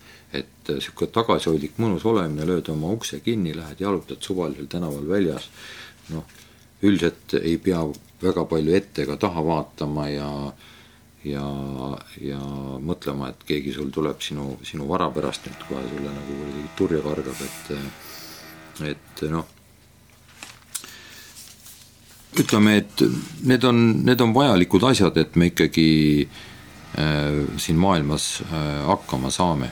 see on, see nüüd terve, ma just sattusin rääkima sellesama äh, konstelööriga, kes siit äh,, üks Oksana nimeline konstelöör, kes siit Peterburist siin käis mm, -hmm. no vähemalt tal, teda kirjeldati nii kui ühte tugevamat üldse, kes siin piirkonnas üldse selle asjaga tegeleb ja siis ma sattusin sellest energeetikast äh, siis temaga rääkima palju on räägitud, et noh, nüüd need asjad on kuskil muutumas ja kes räägib, et äh, aastal kaheksakümmend kuus hakkas muutuma ja kes räägib, et eelmisel aastal hakkas muutuma ja kes räägib, et järgmisel aastal hakkab muutuma, aga noh, fakt on see, et mingisugune suurem muutumine on. ja kui me räägime siin mingitest äh, millest me räägime, lödipükstest või millest me siin rääkisime, ma ei tea. või mis inimesed need olid? Vist olid lödipüksid nad ja,? jah, et, äh, et siis mina võtan seda täiesti rahulikult, et äh, toimi-, toimivad äh, natukene hoopis teised asjad. et on, on põlvkond inimesi kes vaata, need, see nõndanimetatud siis, mis ma sellega konstellööriga sattusin rääkima, et on siis see vanem põlvkond, võib-olla meiesugused siin Tiiduga ja niisugused, et kes on ikkagi nagu sellest energiast, et kõigepealt peab sul tekkima stress et noh, piltlikult öeldes, et ei tea, kas talvel süüa on, ei tea, kas selga panna on, kas kuskil elada on ja kui juhuslikult tuleb veel pere, et kuidas ma kõike seda üleval pean, kõigepealt tuleb stress ja siis sa lähed nagu seda lahendama. aga mis see siis nõndanimetatud see lödipükste põlvkond on, et neil saab, seda stressi ei ole, et neil on kõigepealt, neil tekib nagu nagu mitte stressi põhjalt, vaid tekib nagu võimalus nad lähevad nagu seda tegema, seda tegema, ah see läks nii, läks tuksi. ehk, ehk see ongi nagu see, et tuleb, istub sulle siin noor tütarlaps just koolist tulnud, istub maha, ütleb, et tema tahab kaks tuhat teenida. ja kui sa talle seda ei anna, siis ta läheb minema ja, ja aga mis ta siis hull on, on siis midagi väga hullu või ega ta ei lähe asotsiaaliks kuskile tänavale. ta saab ikka kuidagi hakkama, et kuskilt ta selle kaks tuhat saab või kuskil, kuskil kuskil see kuidagi nagu niimoodi toimib, ehk piltlikult öeldes see noor, noor põlvkond minu jaoks ka, ma küll loodan, et nad peaks rabama minu moodi tööd kõvasti ja siis, siis see õnn ükskord tõenäoliselt tuleb. aga nad saavad kuidagi nagu teistmoodi hakkama, nad üldiselt saavad hakkama. ja ma tegelikult, kuigi ma sellest aru ei saa, aga ma aktsepteerin ja natukene nagu naudin seda elu, et ma, ma püüan hoiduda igapäevaselt sellisest tänitamisest, et vaata, tehke nii, nagu mina tegin, et siis, siis see kõik tuleb nii, et kui te nii ei tee, et siis, siis te olete kuskil kõrbenud ja valel teel, et ma lasen olla, ma ei saa neist võib-olla aru, ma võib-olla kõiki asju ei mõista ja ma ei peagi mõistma, aga saab kindlasti ka kuidagi teistmoodi elada, kui, kui meie siin elame, et noh, mingisugune uus energia on olemas, mis ei eelda seda, et ma pean nüüd hästi palju tööd tegema, et siis ainult siis tuleb ja muidu ei tule kuidagi mingid teised asjad ka toimivad, aga noh, ma ei tea. et äh, selles mõttes ma äh, noh, ütleme, et tuleb lihtsalt niimoodi nina püsti hoida ja niimoodi nuusutada tuult, et kus, kus poolt puhub ja kuhu minna mm. -hmm. sa mainisid siin äh, justkui nagu nii-öelda noh, nimetut selles mõttes tütarlast, kes tuleks justkui tööintervjuul, eks ole, on ju. Mhm. kuskilt jäi meelde, ma mäletan, ma tegelikult tahtsin küsida sinu käest, mul väga huvitas. et sa oled kuskil öelnud, et sa ei jälgi ka väga tegelikult inimese nii-öelda ütleme, akadeemilist haridust paberil mm., vaid sa kasutad palkamiseks mingisuguseid teisi meetodeid. tahad sa äkki sellest rääkida, missuguseid ja miks selline valik või, või kust, kuidas sa üldse valid täna töötajaid või kuidas sa saad öelda, et vot see näiteks on inimene, kes, kes võiks olla väärtuslik? No minu ettevõtmistes töötab tuhandeid inimesi, ega ma nüüd kõiki ei jõua vaadata, aga oma lähemad äh, inimesed ja juhid ja nii edasi ma ikkagi natukene, natukene vaatan, et kus, kui parasjagu niimoodi ette satub, et äh, Hiina astroloogia järgi teen sellise maagilise ruudu, sellest ka sattusin alles üks päev lugema, aga see maagiline ruut on siis selline, ma nimetan seda trips-traps-trulliks, mis on siis Hiina kalendri järgi, on üks niisugune Hiina kalender, sada aastat ja sealt sa saad siis äh, numbrid, mis siis näitavad inimese nagu niisuguseid põhilisi omandusi, et äh, kõik need äh, noh, iga number täit-, tähendab midagi, iga joon tähendab midagi mm, -hmm. kui sa saad täis tõmmata, näiteks.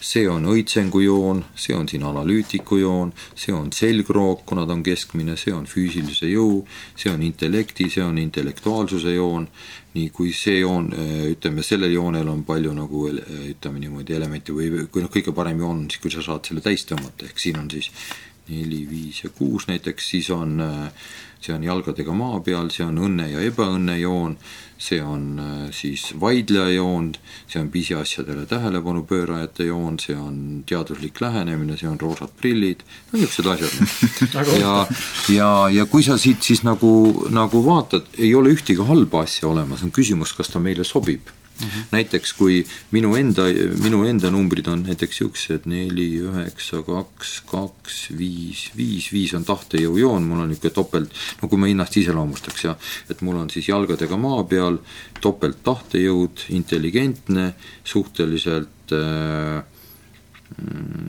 noh, suhteliselt hea selgroog, et kui mul siin on ühe koht muidu, kui see oleks veel, siis oleks, oleks nagu täis selgroog hästi tugev, aga noh, liiga tugev selgroog võib ka sind ennast nagu lihtsalt liiga jäigaks teha mm. -hmm. et noh, sobib ja kui siis ütleme, ma enda kõrvale vaatan äh, inimest, kes minuga nagu sobib, siis kui ta on täpselt samasugune nagu mina, siis me tegelikult ei täienda teineteist. et siin ongi nagu, et inimene teadlikult äh, tegelikult, kui ta ka kooselus või kui ta neid asju ei tea, siis ta otsib enda kõrvale enda sarnast inimest alateadlikult otsib ta tegelikult kõrvale inimest, kes täidab nagu need tühjad kohad ära mm. -hmm nii, et äh, minul on nagu see nurk on natuke siin tühi, vasakalumine nurk, et et äh, minu kõrval olevad inimesed peaks olema pigem niisugused head analüütikud, see on analüüsijoon, võib-olla ka õitsengujoon, need on niisugused elurõõmsad ja ja niisugused noh, niisugused, niisugused inimesed, et et äh, et kui minu kõrval oleks nagu sihuke, sihukesed inimesed, noh, siis nad täiendavad mind rohkem mm. -hmm. aga see ei tähenda seda, et ütleme, et kui seal kaks rivi allpool, et seal peavad ka inimesed omavahel nagu sobima. et noh, nii on. et eh, noh, niisugused lihtsad asjad, on veel mõningaid asju, võib igasuguseid astroloogilisi kaarte ka teha, aga see on kõik tehtav, ütleme praktiliselt ju kolmekümne sekundi jooksul. suures laastus on see kõik eh, vett pidanud? kui vaadata nagu Su-, suuresti peab vett, ma mäletan, et minu Peterburi firmades, seal oli mingi kosmonauti, kosmonautide jaoks välja töötatud mingisugune, psühholoogide poolt välja töötatud mingisugune programm, mida siis müüdi siis personalitestide tegemiseks. Ja siis kestis umbes niimoodi üks inimene, suur raha hulk, umbes kaks tundi küsitlemisi. Ja siis oli, oli seal ka nagu umbes niisugune äh, Äh, laskmise märklaud, niisugune paber ja siis oli see, või noh, niisugune ringidega niisugune mm -hmm. paber ja siis olid seal mingid punktid ja peal ja niimoodi siis, siis see siis see nagu intervjueerija siis hakkas, hakkas siis sellest inimesest nii nagu rääkima peale kahetunnisest küsitlemist, noh. ma tegin selle kolmekümne sekundiga ära, rääkisin täpselt sama juttu et, et et noh, selline, selline abimees küll, aga no ma ütlen, et ei tasu karta, et kõik eh, ei ole halb, halb ega head. Ja, ja kui näiteks kellelgi on, on see tühi joon, noh, siin, see on põhimõtteliselt, see on siis nagu niimoodi, et kaheksa, viis ja kaks, et kui siin on tegelikult tühi, et siin ei ole nagu numbrid. Mm, -hmm. et äh, et see on siis arenemine läbi ebaõnnestumiste.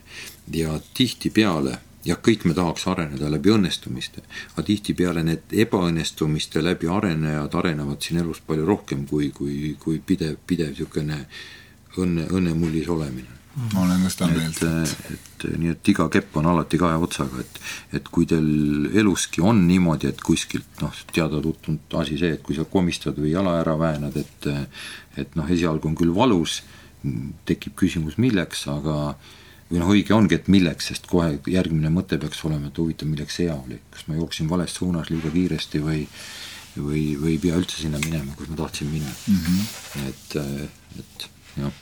Sellega ma nõustun ja ma tean, kuulajad on seda juba kuulnud, aga ma teile jagan ka, et kui ma läheb sellesse näitesse, ma toon siis näite sama mõtte juurde, et kui Austraalias olin paar aastat tagasi, siis murdsin enda kolm vasaku käe kämblaluud siit pea, peopea, peopesa pealt pool, mm -hmm. pooleks mm. -hmm. ja siis ma mõtlesingi, et nagu, et mida kurat, et miks seda vaja oli, et mm -hmm. nagu ja mul ei olnud kindlustust ka ise maksmas, ma olin just kohe-kohe tulemas, aga mm -hmm.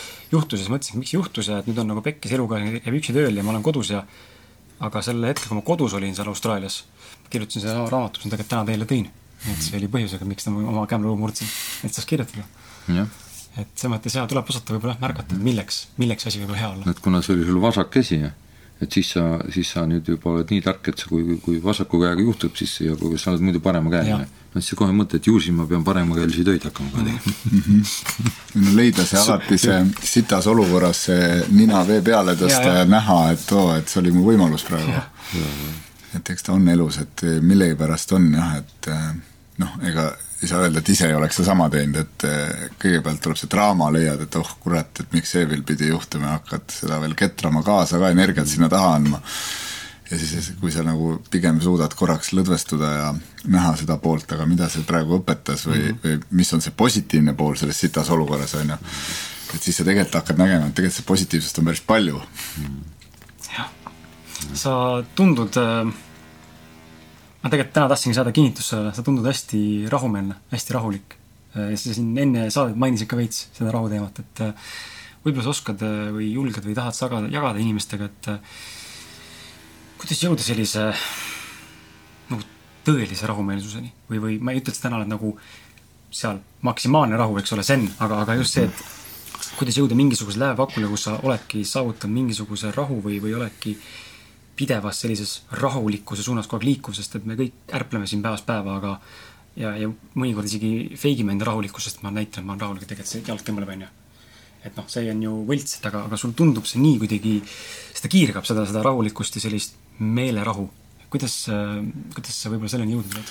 ega ma nüüd väga seest tegelikult rahulik ei ole et kui ma noh, on siin ka üks taoistlik astro-, astroloogia test, et siis mul tegelikult kui ma ei eksi, mul on sees siis umbes mingi kakskümmend üheksa protsenti on nagu sisemisi sõpru ja ja siis seitsekümmend üks protsenti on siis sisemisi vaenlasi, et noh, ma olen küllaltki nagu ebastabiilne seest, et äh, aga, aga ma olen harjutanud ja, ja ma ütlen veel teile ka seda, et äh, kõik, iga kepp on alati kahe otsaga, ma ei taha öelda, et ma nüüd seest nii stressis olen, kui mul need numbrid näitavad, ma olen märksa rahulikum, aga äh, ütleme, üsna tihtipeale need äh, üliemotsionaalsed, rõõmsad, elurõõmsad ja nii edasi, need inimesed tegelikult varjavad selle taga sees midagi mm. -hmm. ja kindlasti on ka nukrad inimesed ja ja sellised pessimistlikud inimesed, nad ka kindlasti midagi nagu varjavad. ehk noh, kõige, kõige niisugune õigem ja stabiilsem on, ütleme, ma ütlen tihtipeale nagu taima koer et äh, kümnetonnine auto sõidab sult kümne sendi kauguselt mööda, siis sa vaatad seda, et okei okay,, läks hästi. vaatad seda maailma mhm. lihtsalt ütleme, et ei viitsi isegi silma pilgutada, et noh, nii oleks nagu, nagu, nagu niisugune mhm. kõige nagu niisugune niisugune noh, rahul, rahulik, rahulikkus et ju siis noh, noh, üldiselt ma jah, pigem olen ja oskan olla, olla rahulik, aga eks on nagu harjutamise vili. kuidas, kuidas sina näed kas sina oled ka seda meelt, et äh, viimasel ajal on rohkem hakatud sellest rääkima, et, et võiks juba niisugust äh, meditatsiooni ja endasse vaatamist ja niisugust rahutunne harjutamist hakata pihta juba tegelikult lasteaedadest ja koolidest, et siis oleks see ühiskond palju tervem, et kas sa oled ka sama meelt, et seda nagu teadlikkust hakata teadlikkust, meditatsiooni või isegi mingil kõige elementaarsemal viisil nagu võimlemist, tegelikult vanasti Vene ajal oligi, seda võimlemist oli palju, noh, oli koolides ka mingi nagu elementaarnegi virgutusvõimlemine, noh, nüüd, nüüd on see lihtsalt teise nimega no muidugi kooli, kooliiga ja kool on minu arust, peaks olema kõige õigem koht, kus inimesele kujundatakse tegelikult harjumused eluks. et kui sa harjud olema liikuv, sportlik, tegelema igasuguste noh, nimetame siis nende vaimu nagu harimisega ka, et, et see vaim oleks sul rahulik ja ja, ja sa suudaks sellest aru saada ja nii edasi, et eh, noh, siis sinna järgi igasugused eh, liikumisharjumused, toitumisharjumused, neid kõike saab teha koolis. ja kooliajal õpitu, me teame, see ükskõik, kas sa noh, õpid seal jalgrattaga sõitma või või, eh, või ma ei tea, tennist mängima või siis tegelikult on see sul terveks eluks sees ja hulga, hulga lihtsamalt aga kui sa hakkad neid pärast hiljem elu käigus ja hiljem õppima, siis see on kordades raskem mm -hmm. tegelikult, et selles mõttes kõiki neid, nende asjadega võiks äh, koolieas tegeleda kindlasti või peaks tegelema. ja see on ka, äh, see on ka teema, millega ma tegelikult äh, olümpiakomitee ametipostilt tegelikult tahan teha, üks suur programm ongi, me nimetame seda sport koolis sest sport on äh, ikkagi nagu kõigile arusaadav asi. et kui me hakkame rääkima vaimsetest asjadest koolis, et siis, siis äh, neid vastupunnijaid on ehk veel oluliselt rohkem mm. -hmm. aga sport vaimse tervise jaoks on, on ju noh, ka elementaarsed joogad ja, ja, ja niisugused muud niisugused suhteliselt pealtnäha niisugused pehmed tegevused on ka väga niimoodi tervislikud ja heas füüsilises vormis hoidvad asjad ja loomulikult aitavad ka vaimset tervist arendada ma olen kunagi vist sult küsinud ka või ma olen isegi, sa oled isegi nalja visanud mingist, et ma ei tea kuskil, ma mingis meditatsioonis nägin ja ma olen vist isegi meie ühe töötajaga kihla vedanud, et mõtlesin, et Urmas, Urmas suure tõenäosusega saab ka kunagi meil vabariigi presidendiks ja sa oled vist isegi sul sisetunne öelnud, et vist see kunagi võib juhtuda tõesti, et kuidas sa ise tunned, et mm -hmm. ei, ei ole seda meelt või? ma ütleme, et äh, praegult on küll, ütleme, parim koht, kus ma saan ühiskonnale tagasi anda, on olümpiakomitee presidendi kohalt, et et noh, presidendil Eestis ei, ei ole seda noh, ütleme, ma olen liiga tegus inimene, et, et selle koha peal toimetada, et noh, tegelikult äh, käed on seotud ühesõnaga? jah, sinuga arvestatakse täpselt nii palju, kui viisakad inimesed arvestavad, aga sul tegelikult nagu mehhanismi, et äh, ühiskonnal äh, reaalselt sa oma tegude vilja ka näed, et ega need toimima hakkavad, on nagu vähe mm. -hmm. mind ühes intervjuus sa ütlesid väga huvitava lause, mäleta, äkki see oli, ma ei mäleta, mis saade see oli aga mäletan, mind väga puudutas see ja mind pani mõtlema, see oli nii sügav. ja ma tahan, et sa natuke lahkaksid seda, kui sa eh, soovid mm.. sa ütlesid, et lahti lastud asjade hulk on rikkuse mõõdupuu. see kuidagi kõlas nii sügavalt, et äh, äkki sa tahad natuke selgitada, mida sa selle silmas pead? noh, eks see on ju, ma ei mäleta isegi, kust see nagu tulnud on, aga aga põhimõtteliselt üks minu eh, hommikune niisugune noh, kuidas nimetama, harjutuse osa on ka see, et ma, ma natuke proovin ennast vabaks lasta. ehk inimene, noh piltlikult öeldes inimene on äh, nii nagu noh, ahvileivapuu looduses. liaanid, liaanide küljes hüppavad ahvid, kõiguvad, kiiguvad, need on siis need, et äh, põhimõtteliselt, et ei tea, mis nad must arvavad, ei tea, kas mul läheb hästi, ei tea, kuidas see, kuidas teine, ehk need on need emotsioonid kõik, mis sa, mis, mis sind siis nagu, need on need välised asjad kõik mm. -hmm. ja mis siis, kui ükskord puu pikali kukub, mis siis ahvid teevad, hüppavad järgmise puu külge ja, ja puu lihtsalt kukub pikali, muud ei ole. ehk siis sa tegelikult, ma igal hommikul kogu aeg tegelikult noh, mitte igal hommikul, kui ma, kui ma neid harjutusi siis teen, mingil perioodil peaaegu igal hommikul, aga noh, ikka üritan mõne korra nädalas, siis ma, siis ma põhimõtteliselt äh, noh, ärkad ikka üles, sul tekivad mingid, mingid mõtted. et täna peaks seda tegema, siis on seda vaja, eriti siis, kui ma kandideerisin näiteks olümpiakomitee presidendiks, see oli mul nagu niisugune, niisugune, niisugune hästi hea nagu niisugune märgiline ülesanne. ma teadsin, et ma selleks saan sest ma ütlen, põhimõtteliselt ma nägin seda pimeruumis ette, et ma saan mm., siis ma ka kandideerima hakkasin ja aga ma proovisin igal hommikul äh, sest sellest nagu lahti lasta, ennem kui, kui see valimisaegne periood oli, siis kui kõik lasid mööda riiki ringi, tegid igasugust agitatsiooni, osalesid igasugustel foorumitel, seminaridel ja nii edasi, siis mina igal hommikul tegelikult ühe osana tegin, et kõik lasi lahti kõik ei, ei, ei, ei, ei. nii kaua tagusin seda, kui ma olin täiesti niimoodi, et tegin silmad lahti, et mul ei ole ühtegi mõtet, ma olen täiesti tühi, mul ei ole mitte midagi mm. -hmm. ja siis hakkasin laskma enda juurde tulla nagu neil, neil asjadel, millega ma peaks nüüd tegelema hakkama. et et see on võib-olla nagu raskesti arusaadav, aga, aga põhimõtteliselt on see, põhimõte on niimoodi, et et ütleme, et sul võib olla kas surev laps kõrval sa saad teda aidata siis, kui sa oled ise täiesti jalgadega maa peal, täiesti tasakaalus ja nii edasi. ehk kõigepealt sa pead puhtaks ennast tegema, siis sa hakkad vaatama, vabaks tegema, siis hakkad vaatama ümber, mis ma tegelikult teha saan, mis ma siin nüüd tegema hakkan. ehk, ehk see on, see on, see on ka see, et ja noh, selle, sellest võib, sellest lahtilaskmisest võib hästi palju, palju rääkida, see on nagu, see on nats see põhimõte, et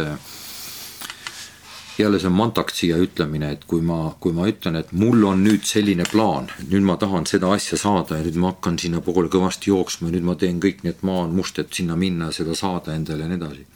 siis ütleme, et äh, mantaktsia ütleb niimoodi selle peale ah-ah-ah, sul on plaan, sul ei ole mingit plaani. vaata seal, sellel taevaisal on plaan sina katsu seal ütleme joonel hoida ennast. et eh, ehk, ehk siis eh, noh, põhimõtteliselt ma olen noh, ütleme nende elatud aastate vältel kogenud seda, et mul on olnud palju plaane ja ma olen neid plaane ka realiseerinud, aga üsna paljud on olnud see, et noh, oli siis nüüd vaja neid realiseerida mm. -hmm. põhimõtteliselt, et, et et, et noh, tajuda seda, mis sulle lihtsalt, äh, mis sulle tegelikult vaja on. ehk kui noh, noh, minul on endal niimoodi, et noh, kuna ma olen äh, noh, ma proovin tajuda enda positsiooni siin universumis, mul on päris palju usaldatud, mul on päris palju võimalusi antud, et siis seal mitte üle ääre minna ja, ja olla selle keskel, mis sulle nagu vajalik ja loodud on, siis ma üsna tihti ikkagi proovin ennast viia sellisesse seisu, et sa anna need kõik asjad lahti, mis sul, mis sul nüüd praegu silmapiiril on ja tagasi tulevad need, mis sulle tegelikult, sulle vajalikud on mm. -hmm. sest et küll kuskil teatakse rohkem, mis tegelikult mulle vajalik on. et kui ma väikse oma niimoodi ajukoorekesega hakkan siis looma igasuguseid, ma ei tea, süsteeme, mehhanisme ja püüniseid ja grupeeringuid, et seda endale saada, mõtlemata, kas mul seda väga vaja on, no siis võid suhteliselt suurde ämbrisse sattuda mm. -hmm. vast see ongi üks nagu noh, minu enda jaoks on ka siin, mis ma nagu olen taibanud, et võib-olla see üks suuremaid väljakutseid või oskusi üldse selles elus siin olles ongi see, et äh, osata, kui sa näed, et see, et sa ei saa seda enam, või sa ei taha või ei saa või ükskõik kuidas võtta, siis et sellest kinni enam hoida, et sa näed, et ta juba ammu-ammu tõmbab teises suunas et siis see julgus ja oskus ja, ja teadlikkus lihtsalt lahti lasta sellest olukorrast, inimestest, asjadest, ükskõik mida see puudutab lahtilaskmise all, eks. ükskõik kui valus see ka ei ole, on ju. jah, et sa seda kergusega õpid tegema, vaata, sest et ikkagi tihti on see kinnihoidmine olukordadest ja inimestest ja asjadest nii nagu sees meil, et, et on kuidagi valus ja ei tea, mis siis saama hakkab ja kui sa hakkadki süvenema nagu põhjalikumalt äh, inimeste olukordasid, teaduses, mis nagu kõige rohkem inimesi kannatama paneb mm., siis panebki just see olukord, see lahtilaskmine asjadest, on ju mm.. klammerdumine. klammerdumine nii-öelda jah, et oled sa sama meelt või mm.? põhimõtteliselt küll jah, mõtlesin, et ma räägin ühe praktilise äh, asja ka, et see on võib-olla lihtsalt ütleme sellest, äh, et endale ligi tõmmata neid, et mis sulle tegelikult vaja läheb. et noh Äh, ma olen, äh, no näiteks kui ma hakkasin äh, siis uut turvafirmat tegema, põhimõtteliselt äh, ma panin paika kõik riigihangete hinnad ja võitsin need, kõik need riigihanked ära ka. ja sain sellega mingeid nelja-viieaastaseid lepinguid. kõiksugused su suuremad riigihanked mm., nii. aga ma unustasin küsimata, kas mul seda vaja läheb sellepärast et peale seda, kui ma olen need lepingud alla sõlminud, riik tõstis siis äh, Äh, paar korda aasta jooksul alampalka ja, ja, ja tur-, turvavaldkonnast olevad töötajad on sellest väga nagu sõltuvad ja mul olid viieks aastaks fikseeritud hinnad ja piltlikult öeldes äh, ma olin, ma olin hädas nagu lits lapsega. selles mõttes, et nuta või naera, ütleme, kangekaelsus või teatud äh, au, autunne ei, ei luba nendest lepingutest loobuda ka noh, ei saagi loobuda, sest sul ei ole pärast asja enam riigihangetele ja siis sa kannatasid ja kannatasid ja kannatasid ja ja küsimus oligi see, et ma unustasin küsimata, kas mul neid vaja on mm. -hmm. et eh, hirmus tahtmine oli saada. et selles mõttes see lahtilaskmine ongi nii, et sa lased nagu lahti ja sinu juurde tulevad ise need asjad, mis sulle nagu, mis sulle nagu vajalikud on mm. -hmm. päris huvitav ja hea näide tegelikult mm. -hmm. sa mainisid, eh, see on minu enda viimane küsimus, et sa mainisid äh, siin saates päris mitmel korral tegelikult sellist mingil määral rapsimist ja kiiret elutempot ja, ja saate alguses me mainisime seda Sharmat ja, ja märkasin ka, et sa tulid korraks ja läksid kohe. ma ise näen oma elus täna, minu elu kindlasti ei ole nii tegus kui nii kiire, kui sinu tegelikult on, kui niimoodi noh, piltlikult võrrelda. et mul on küll väike laps, aastane ja, ja olen praegu küll töötu, aga ja teen podcast'i ja isegi kui ma tööl käisin, siis ma ikkagi, ikkagi täna ka tunnen ja ma tean, et paljud tunnevad seda, et kuidagi ei ole nagu seda aega, on ju, kuidas siis nagu leida oma nende mitmete projektide, tööde, ma ei tea, firmade, mis iganes asjade kõrvalt aega perele, iseenda tervisele, sellele rahulolule, sellele mitte ainult siis tervisele kui füüsiliselt, vaid ka, vaid ka süüa normaalselt, emotsionaalselt toita endast, enda naist, enda lapsi. kuidas seda nagu kõike seda kompakti enda ümber täna nii-öelda siis sellisesse vormi panna, et ma suudan seda ära handle ida, ära toim-, ära toimetada ja ma ei lähe hulluks mm? -hmm ja neid asju kõiki, mida sa nimetasid, no loomulikult on mul veel kordades ja kordades, kordades ja kordades palju et äh, ja riike ka veel mitmeid. aga, aga eks ma ikkagi olen iseenda jaoks välja mõelnud selle, et äh, kõigil meil on kakskümmend neli tundi ööpäevas. Äh, üks tahab Ameerika riiki juhtida, teine, teine saab Vene riigi juhtimisega hakkama et ka neil on kakskümmend neli tundi, järelikult on siis ütleme, sa pead endal ikkagi nagu selle küs-, küsimuste nagu niisuguse taseme paika panema, millega sina tegeleda saad.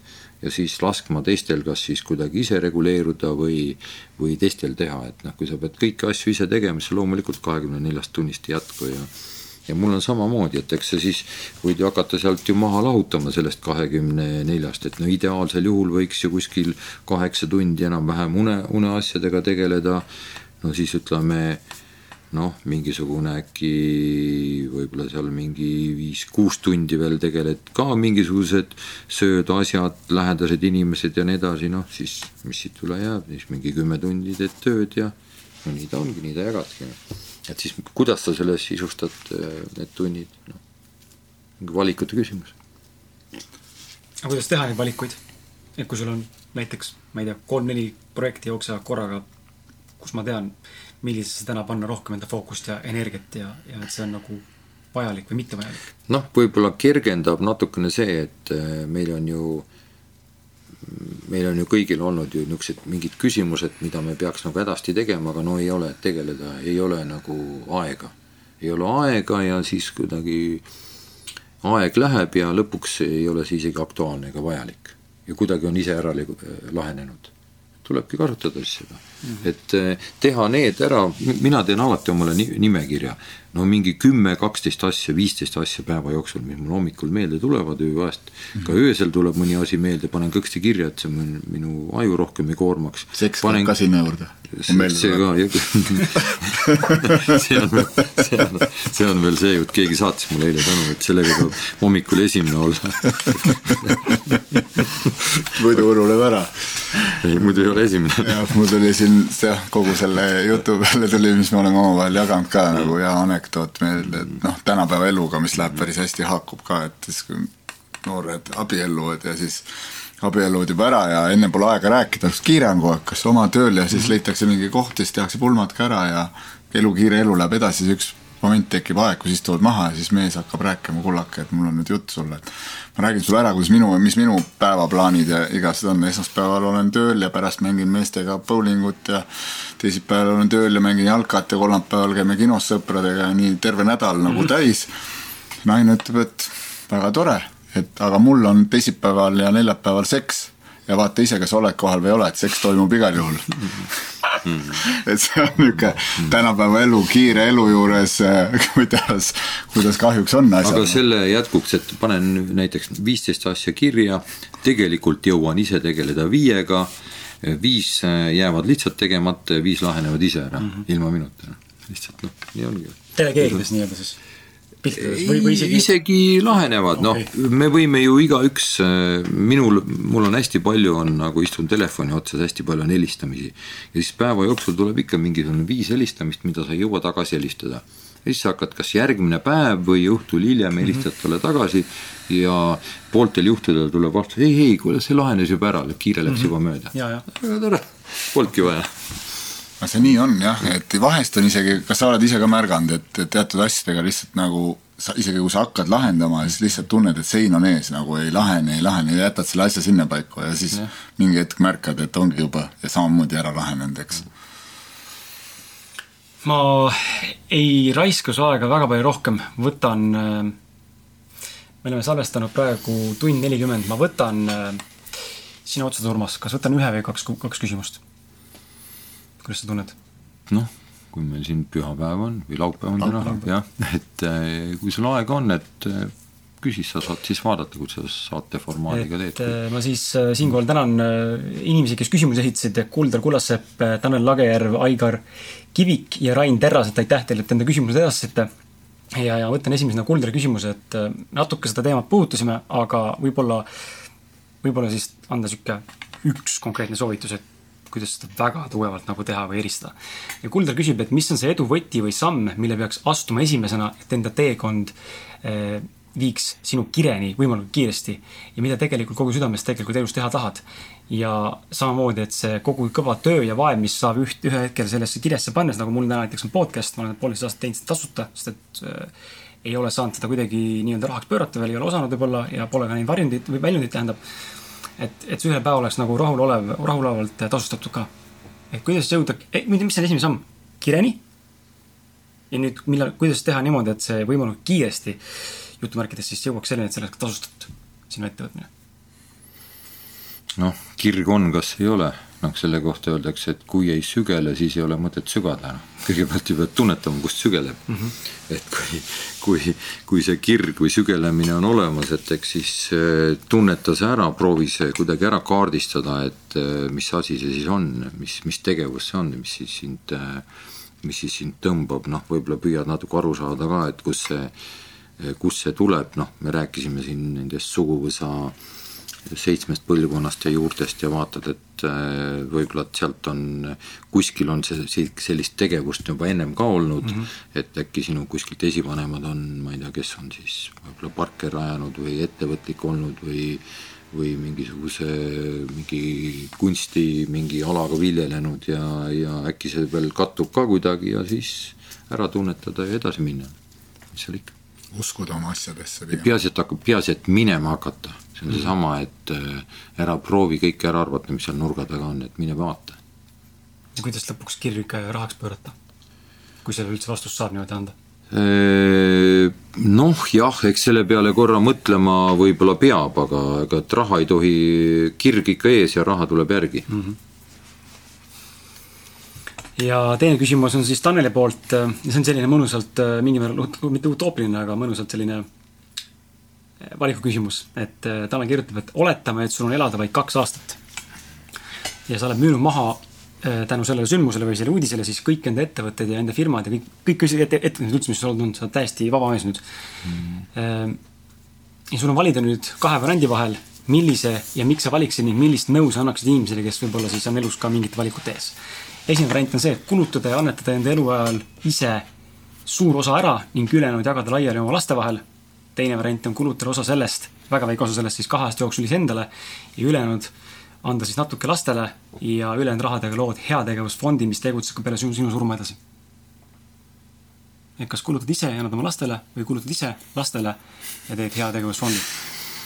Noh, ma põhimõtteliselt, ma olen ka praktiline inimene, eks ma enam-vähem olen oma asjad nagu niimoodi sättinud, aga aga mina proovin elada nagu sellises olekus, et et ega me ju keegi ei tea, kas me homme oleme olemas ja kas me ka viie minuti pärast oleme olemas, et et elu tuleb elada niimoodi, et jälle sattusin mingi lähipäevil lugema, kes ütles vist, ega see ei olnud Dalai-laama või keegi ütles, et et et aastas on kaks päeva, kui ma ei saa mitte midagi teha. see oli eile ja see on homme mm. -hmm. et ma tegelikult saan täna asju teha, et et ma, see on küll huvitav küsimus, aga ma, ma väga palju selle üle ei fantaseeriks, sest mm -hmm. see ei oleks nagu minulik, mida, mis, mis, mis see kaks aastat siis muutub. ma ei tea, kas homme, homset me näeme või ei näe järelikult äh, mul on mõistlik ka täna nii käituda, et äh, noh, täpselt nii nagu, nii nagu ma ütlesin mm. -hmm. sobib. aga mul ei olegi rohkem küsimusi sulle, kui sul endal on midagi südamel, mis sa võib-olla tahaksid mitte nagu puistata siin justkui kirikus, eks ole, paavstile või, või kellele iganes preestrile, aga just see, et kui sul on midagi, mis sa tunned, mis võib-olla jäi nagu siin saates mainimata või, või mida, miski, mis on nagu südamel, tegelikult tahaks võib-olla noortele või üldse kuulajatele või Eesti inimestele öelda siis see on su võimalus. Või kui tahad ennast hoopis reklaamida, siis see on ka praegu see koht, kus seda teha. ma ei tahaks ei reklaamida, aga ma, ma midagi ütleks, mul on äh, ikka ütleme, et mingi kolm-neli inimest äh, nädalas, kes tegelikult äh, tahaks äh, abi saada. Ja reeglina on need inimesed äh, läinud äh, kuidagi nagu ummikusse ja ummikusse igasuguste nagu väliste asjade pärast, see ei käitu seal niimoodi ja seal on niimoodi ja väljas on nii ja see on nii ja kõik niimoodi. ja siis äh, noh, ma aeg-ajalt äh, kuulan neid ja siis ma ütlen, et kõigile, et ärge otsige väliseid põhjuseid, see kõik on tähtis ainult nii palju, kui teie enda sees on mm. -hmm. ehk kõik need asjad, mida te kipute otsima väljastpoolt et kuskil võiks midagi teistmoodi olla, mehes võiks teistmoodi käituda, lapsed võiks teistmoodi käituda, ühiskond võiks teistmoodi käituda, see on ainult teie sees. et minge ikkagi enda sisse tagasi, siis vaadake, et kuidas see teie enda sisse on tekkinud, seesama kahtlus või vibratsioon. see on pigem sealtsamast juurtest ja lapsepõlvest ja sealt päritud, tegelege sellega ja need välised asjad muutuvad kõik, kõik ise ära. ja ja, ja noh, teine asi on äh, tegelikult äh, see, et me ükskõik mitu tundi me veel neid ra-, raadiosaateid võime teha või erinevate inimestega rääki-, rääkida, siis me oleme sündinud tegelikult ainult ühe asja pärast siia ilma, tulla armastuse järgi. ja armastus ei ole mingi väline asi, armastus on seisund mm. -hmm ja seda tasub ikka jälle enda seest otsima, otsida. Sellel ei saa, sellel ei ole võimalik äh, ühtegi märki külge panna, milline see on ja see on seisund. see võib olla seesama mikrofon, see veepott, äh, see kõik muu, see on lihtsalt seisund. ehk, äh, ehk jälle, kui, kui need välised asjad kipuvad, kipuvad meil nagu kuidagi jalad risti ajama ja ja, ja ütleme, tee läheb umbe, siis minge enda sisse tagasi, sest kõik tähtis on teie sees ja selle nimi on armastus mm.. Mm. Ilusti öeldud. kuna me läheme vist eetrisse selle saatega detsembris või? siis äkki siis niisuguseks mõnusasse jõuluaega veel mingi huvitav soov, mida sa Eesti, eestlastele edasi tahaks anda enda poolt mm.?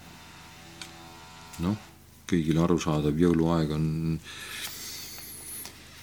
rahuaeg, pime aeg, endasse vaatamise aeg, ilus aeg, on küll ümberringi värvilised tuled, aga, aga, aga on enda sissevaatamise aeg ja ja just tegelege täpselt sellesama asjaga, millega me siin saates rääkisime eriti lõpupool rääkisime, et otsige enda, enda armastust enda seest ja vaadake enda sisse. kust sinu tegemisi jälgida saab, kui üldse saab, on sul mingi koduleht, kus sa äkki pead mingit väikest niisugust mõttevälgatusblogi või Facebookis kirjutad või ei ole mm,? ei ole, võib-olla, võib-olla kunagi tuleb, aga pigem, pigem noh, mulle natukene on hingelähedane see, et vaadake, elus on niimoodi, et kui sa leiad kuldmündi, sa räägid kõigile, näe, kuldmünt. aga kui sa leiad pajatäie kuldmünte, siis sa ei räägi kellelegi. ehk nende, nende asjadega ja teadmiste ja arusaamidega on ka, ma ei tea, õnneks või kahjuks on nii, et et need, kes kuskilt natuke midagi kuulevad, need kohe kirevad kõigile mm. -hmm. kes palju teavad, nende käest tuleb välja koukida see teadmine et, et selles mõttes minu jälle õpetaja Mantak siia ütles, et et kindlasti ma, ma ei ole ehk kõige kõvem taoist, et seal kuskil mägedes koobastes, seal on hästi kõvasid mehi. Aga te ei saa neid kätte ja te ei saa neist üldse arugi ja tema teist ka ei saa aru mm. -hmm. aga mina olengi see vahendaja, kes lääne inimesel oskab selle nagu kuidagi ära vahendada. et mm. -hmm. väga hea. väga ilus.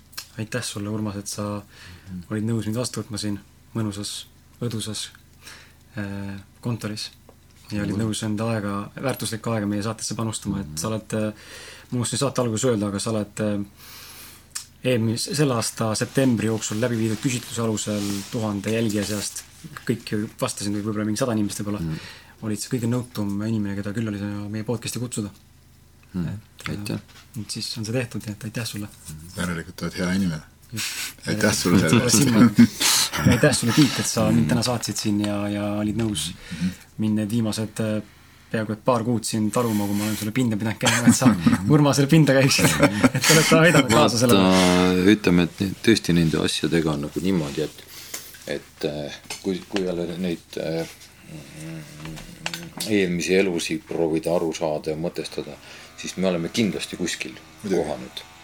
ka meie ja iga, igat uut nagu kohtumist või see on iga uus tee, vaata, et ütleme, et noh, läksime siit, no siit oli palju käike, Tiit nüüd oleme siit edasi läinud, sina, noh, ja niimoodi, niimoodi kõik need erinevad teed kuskilt lähevad ja lähevad ja niimoodi mõnusalt hargnevad, nüüd, nüüd ütleme, kas see on meie nüüd õige tee või mitte õige tee, kuidas selle hinnangut anda, aga las ta vabalt voolata, see on ju kõige mõnusam asi niimoodi, et äh.... väga tore, igal juhul äh, mingil, mingil, mingil põhjusel me pidime siin täna kokku saama ja eks elu näitab, milleks see kõik hea ja vajalik oli, et loodame parimat ja soovime siit kõik üheskoos, ma arvan, kõikidele eestlastele mõnusat aega uh. -huh. kas see veel töötab sul? see veel töötab praegu oh,. ja, ja tahtsin ka nii palju öelda, et aitäh sulle, et sa kuulasid ja vastu pidasid siin äh, peaaegu et kaks tundi ja kui sa leidsid siin mingisugust väärtust, mis, äh, mis sulle meeldis ja mis sind mõtlema pani ja mis võiks olla vajalik ja, ja kasulik, siis ole hea, tee mulle ja Martinile üks teine ja tegelikult ka teine Urmasele ja Tiidule, et äh, jaga seda saadet mõne enda sõbraga ja ja, ja just sellepärast, et me kunagi ei tea, missugune sõnum või mõte või, või saade või raamat või mis iganes mõttelõik võib inimest tegelikult aidata ja mingil määral ka suunata ja mõtlema panna, nii et äh, tee see teine ja aita mind ja aita võib-olla kedagi teist juurde. ja, ja aitäh sulle, et kuulasid veel kord ja, ja kohtume juba järgmisel reedel, kui mitte varem. tšau. tšau, nägemist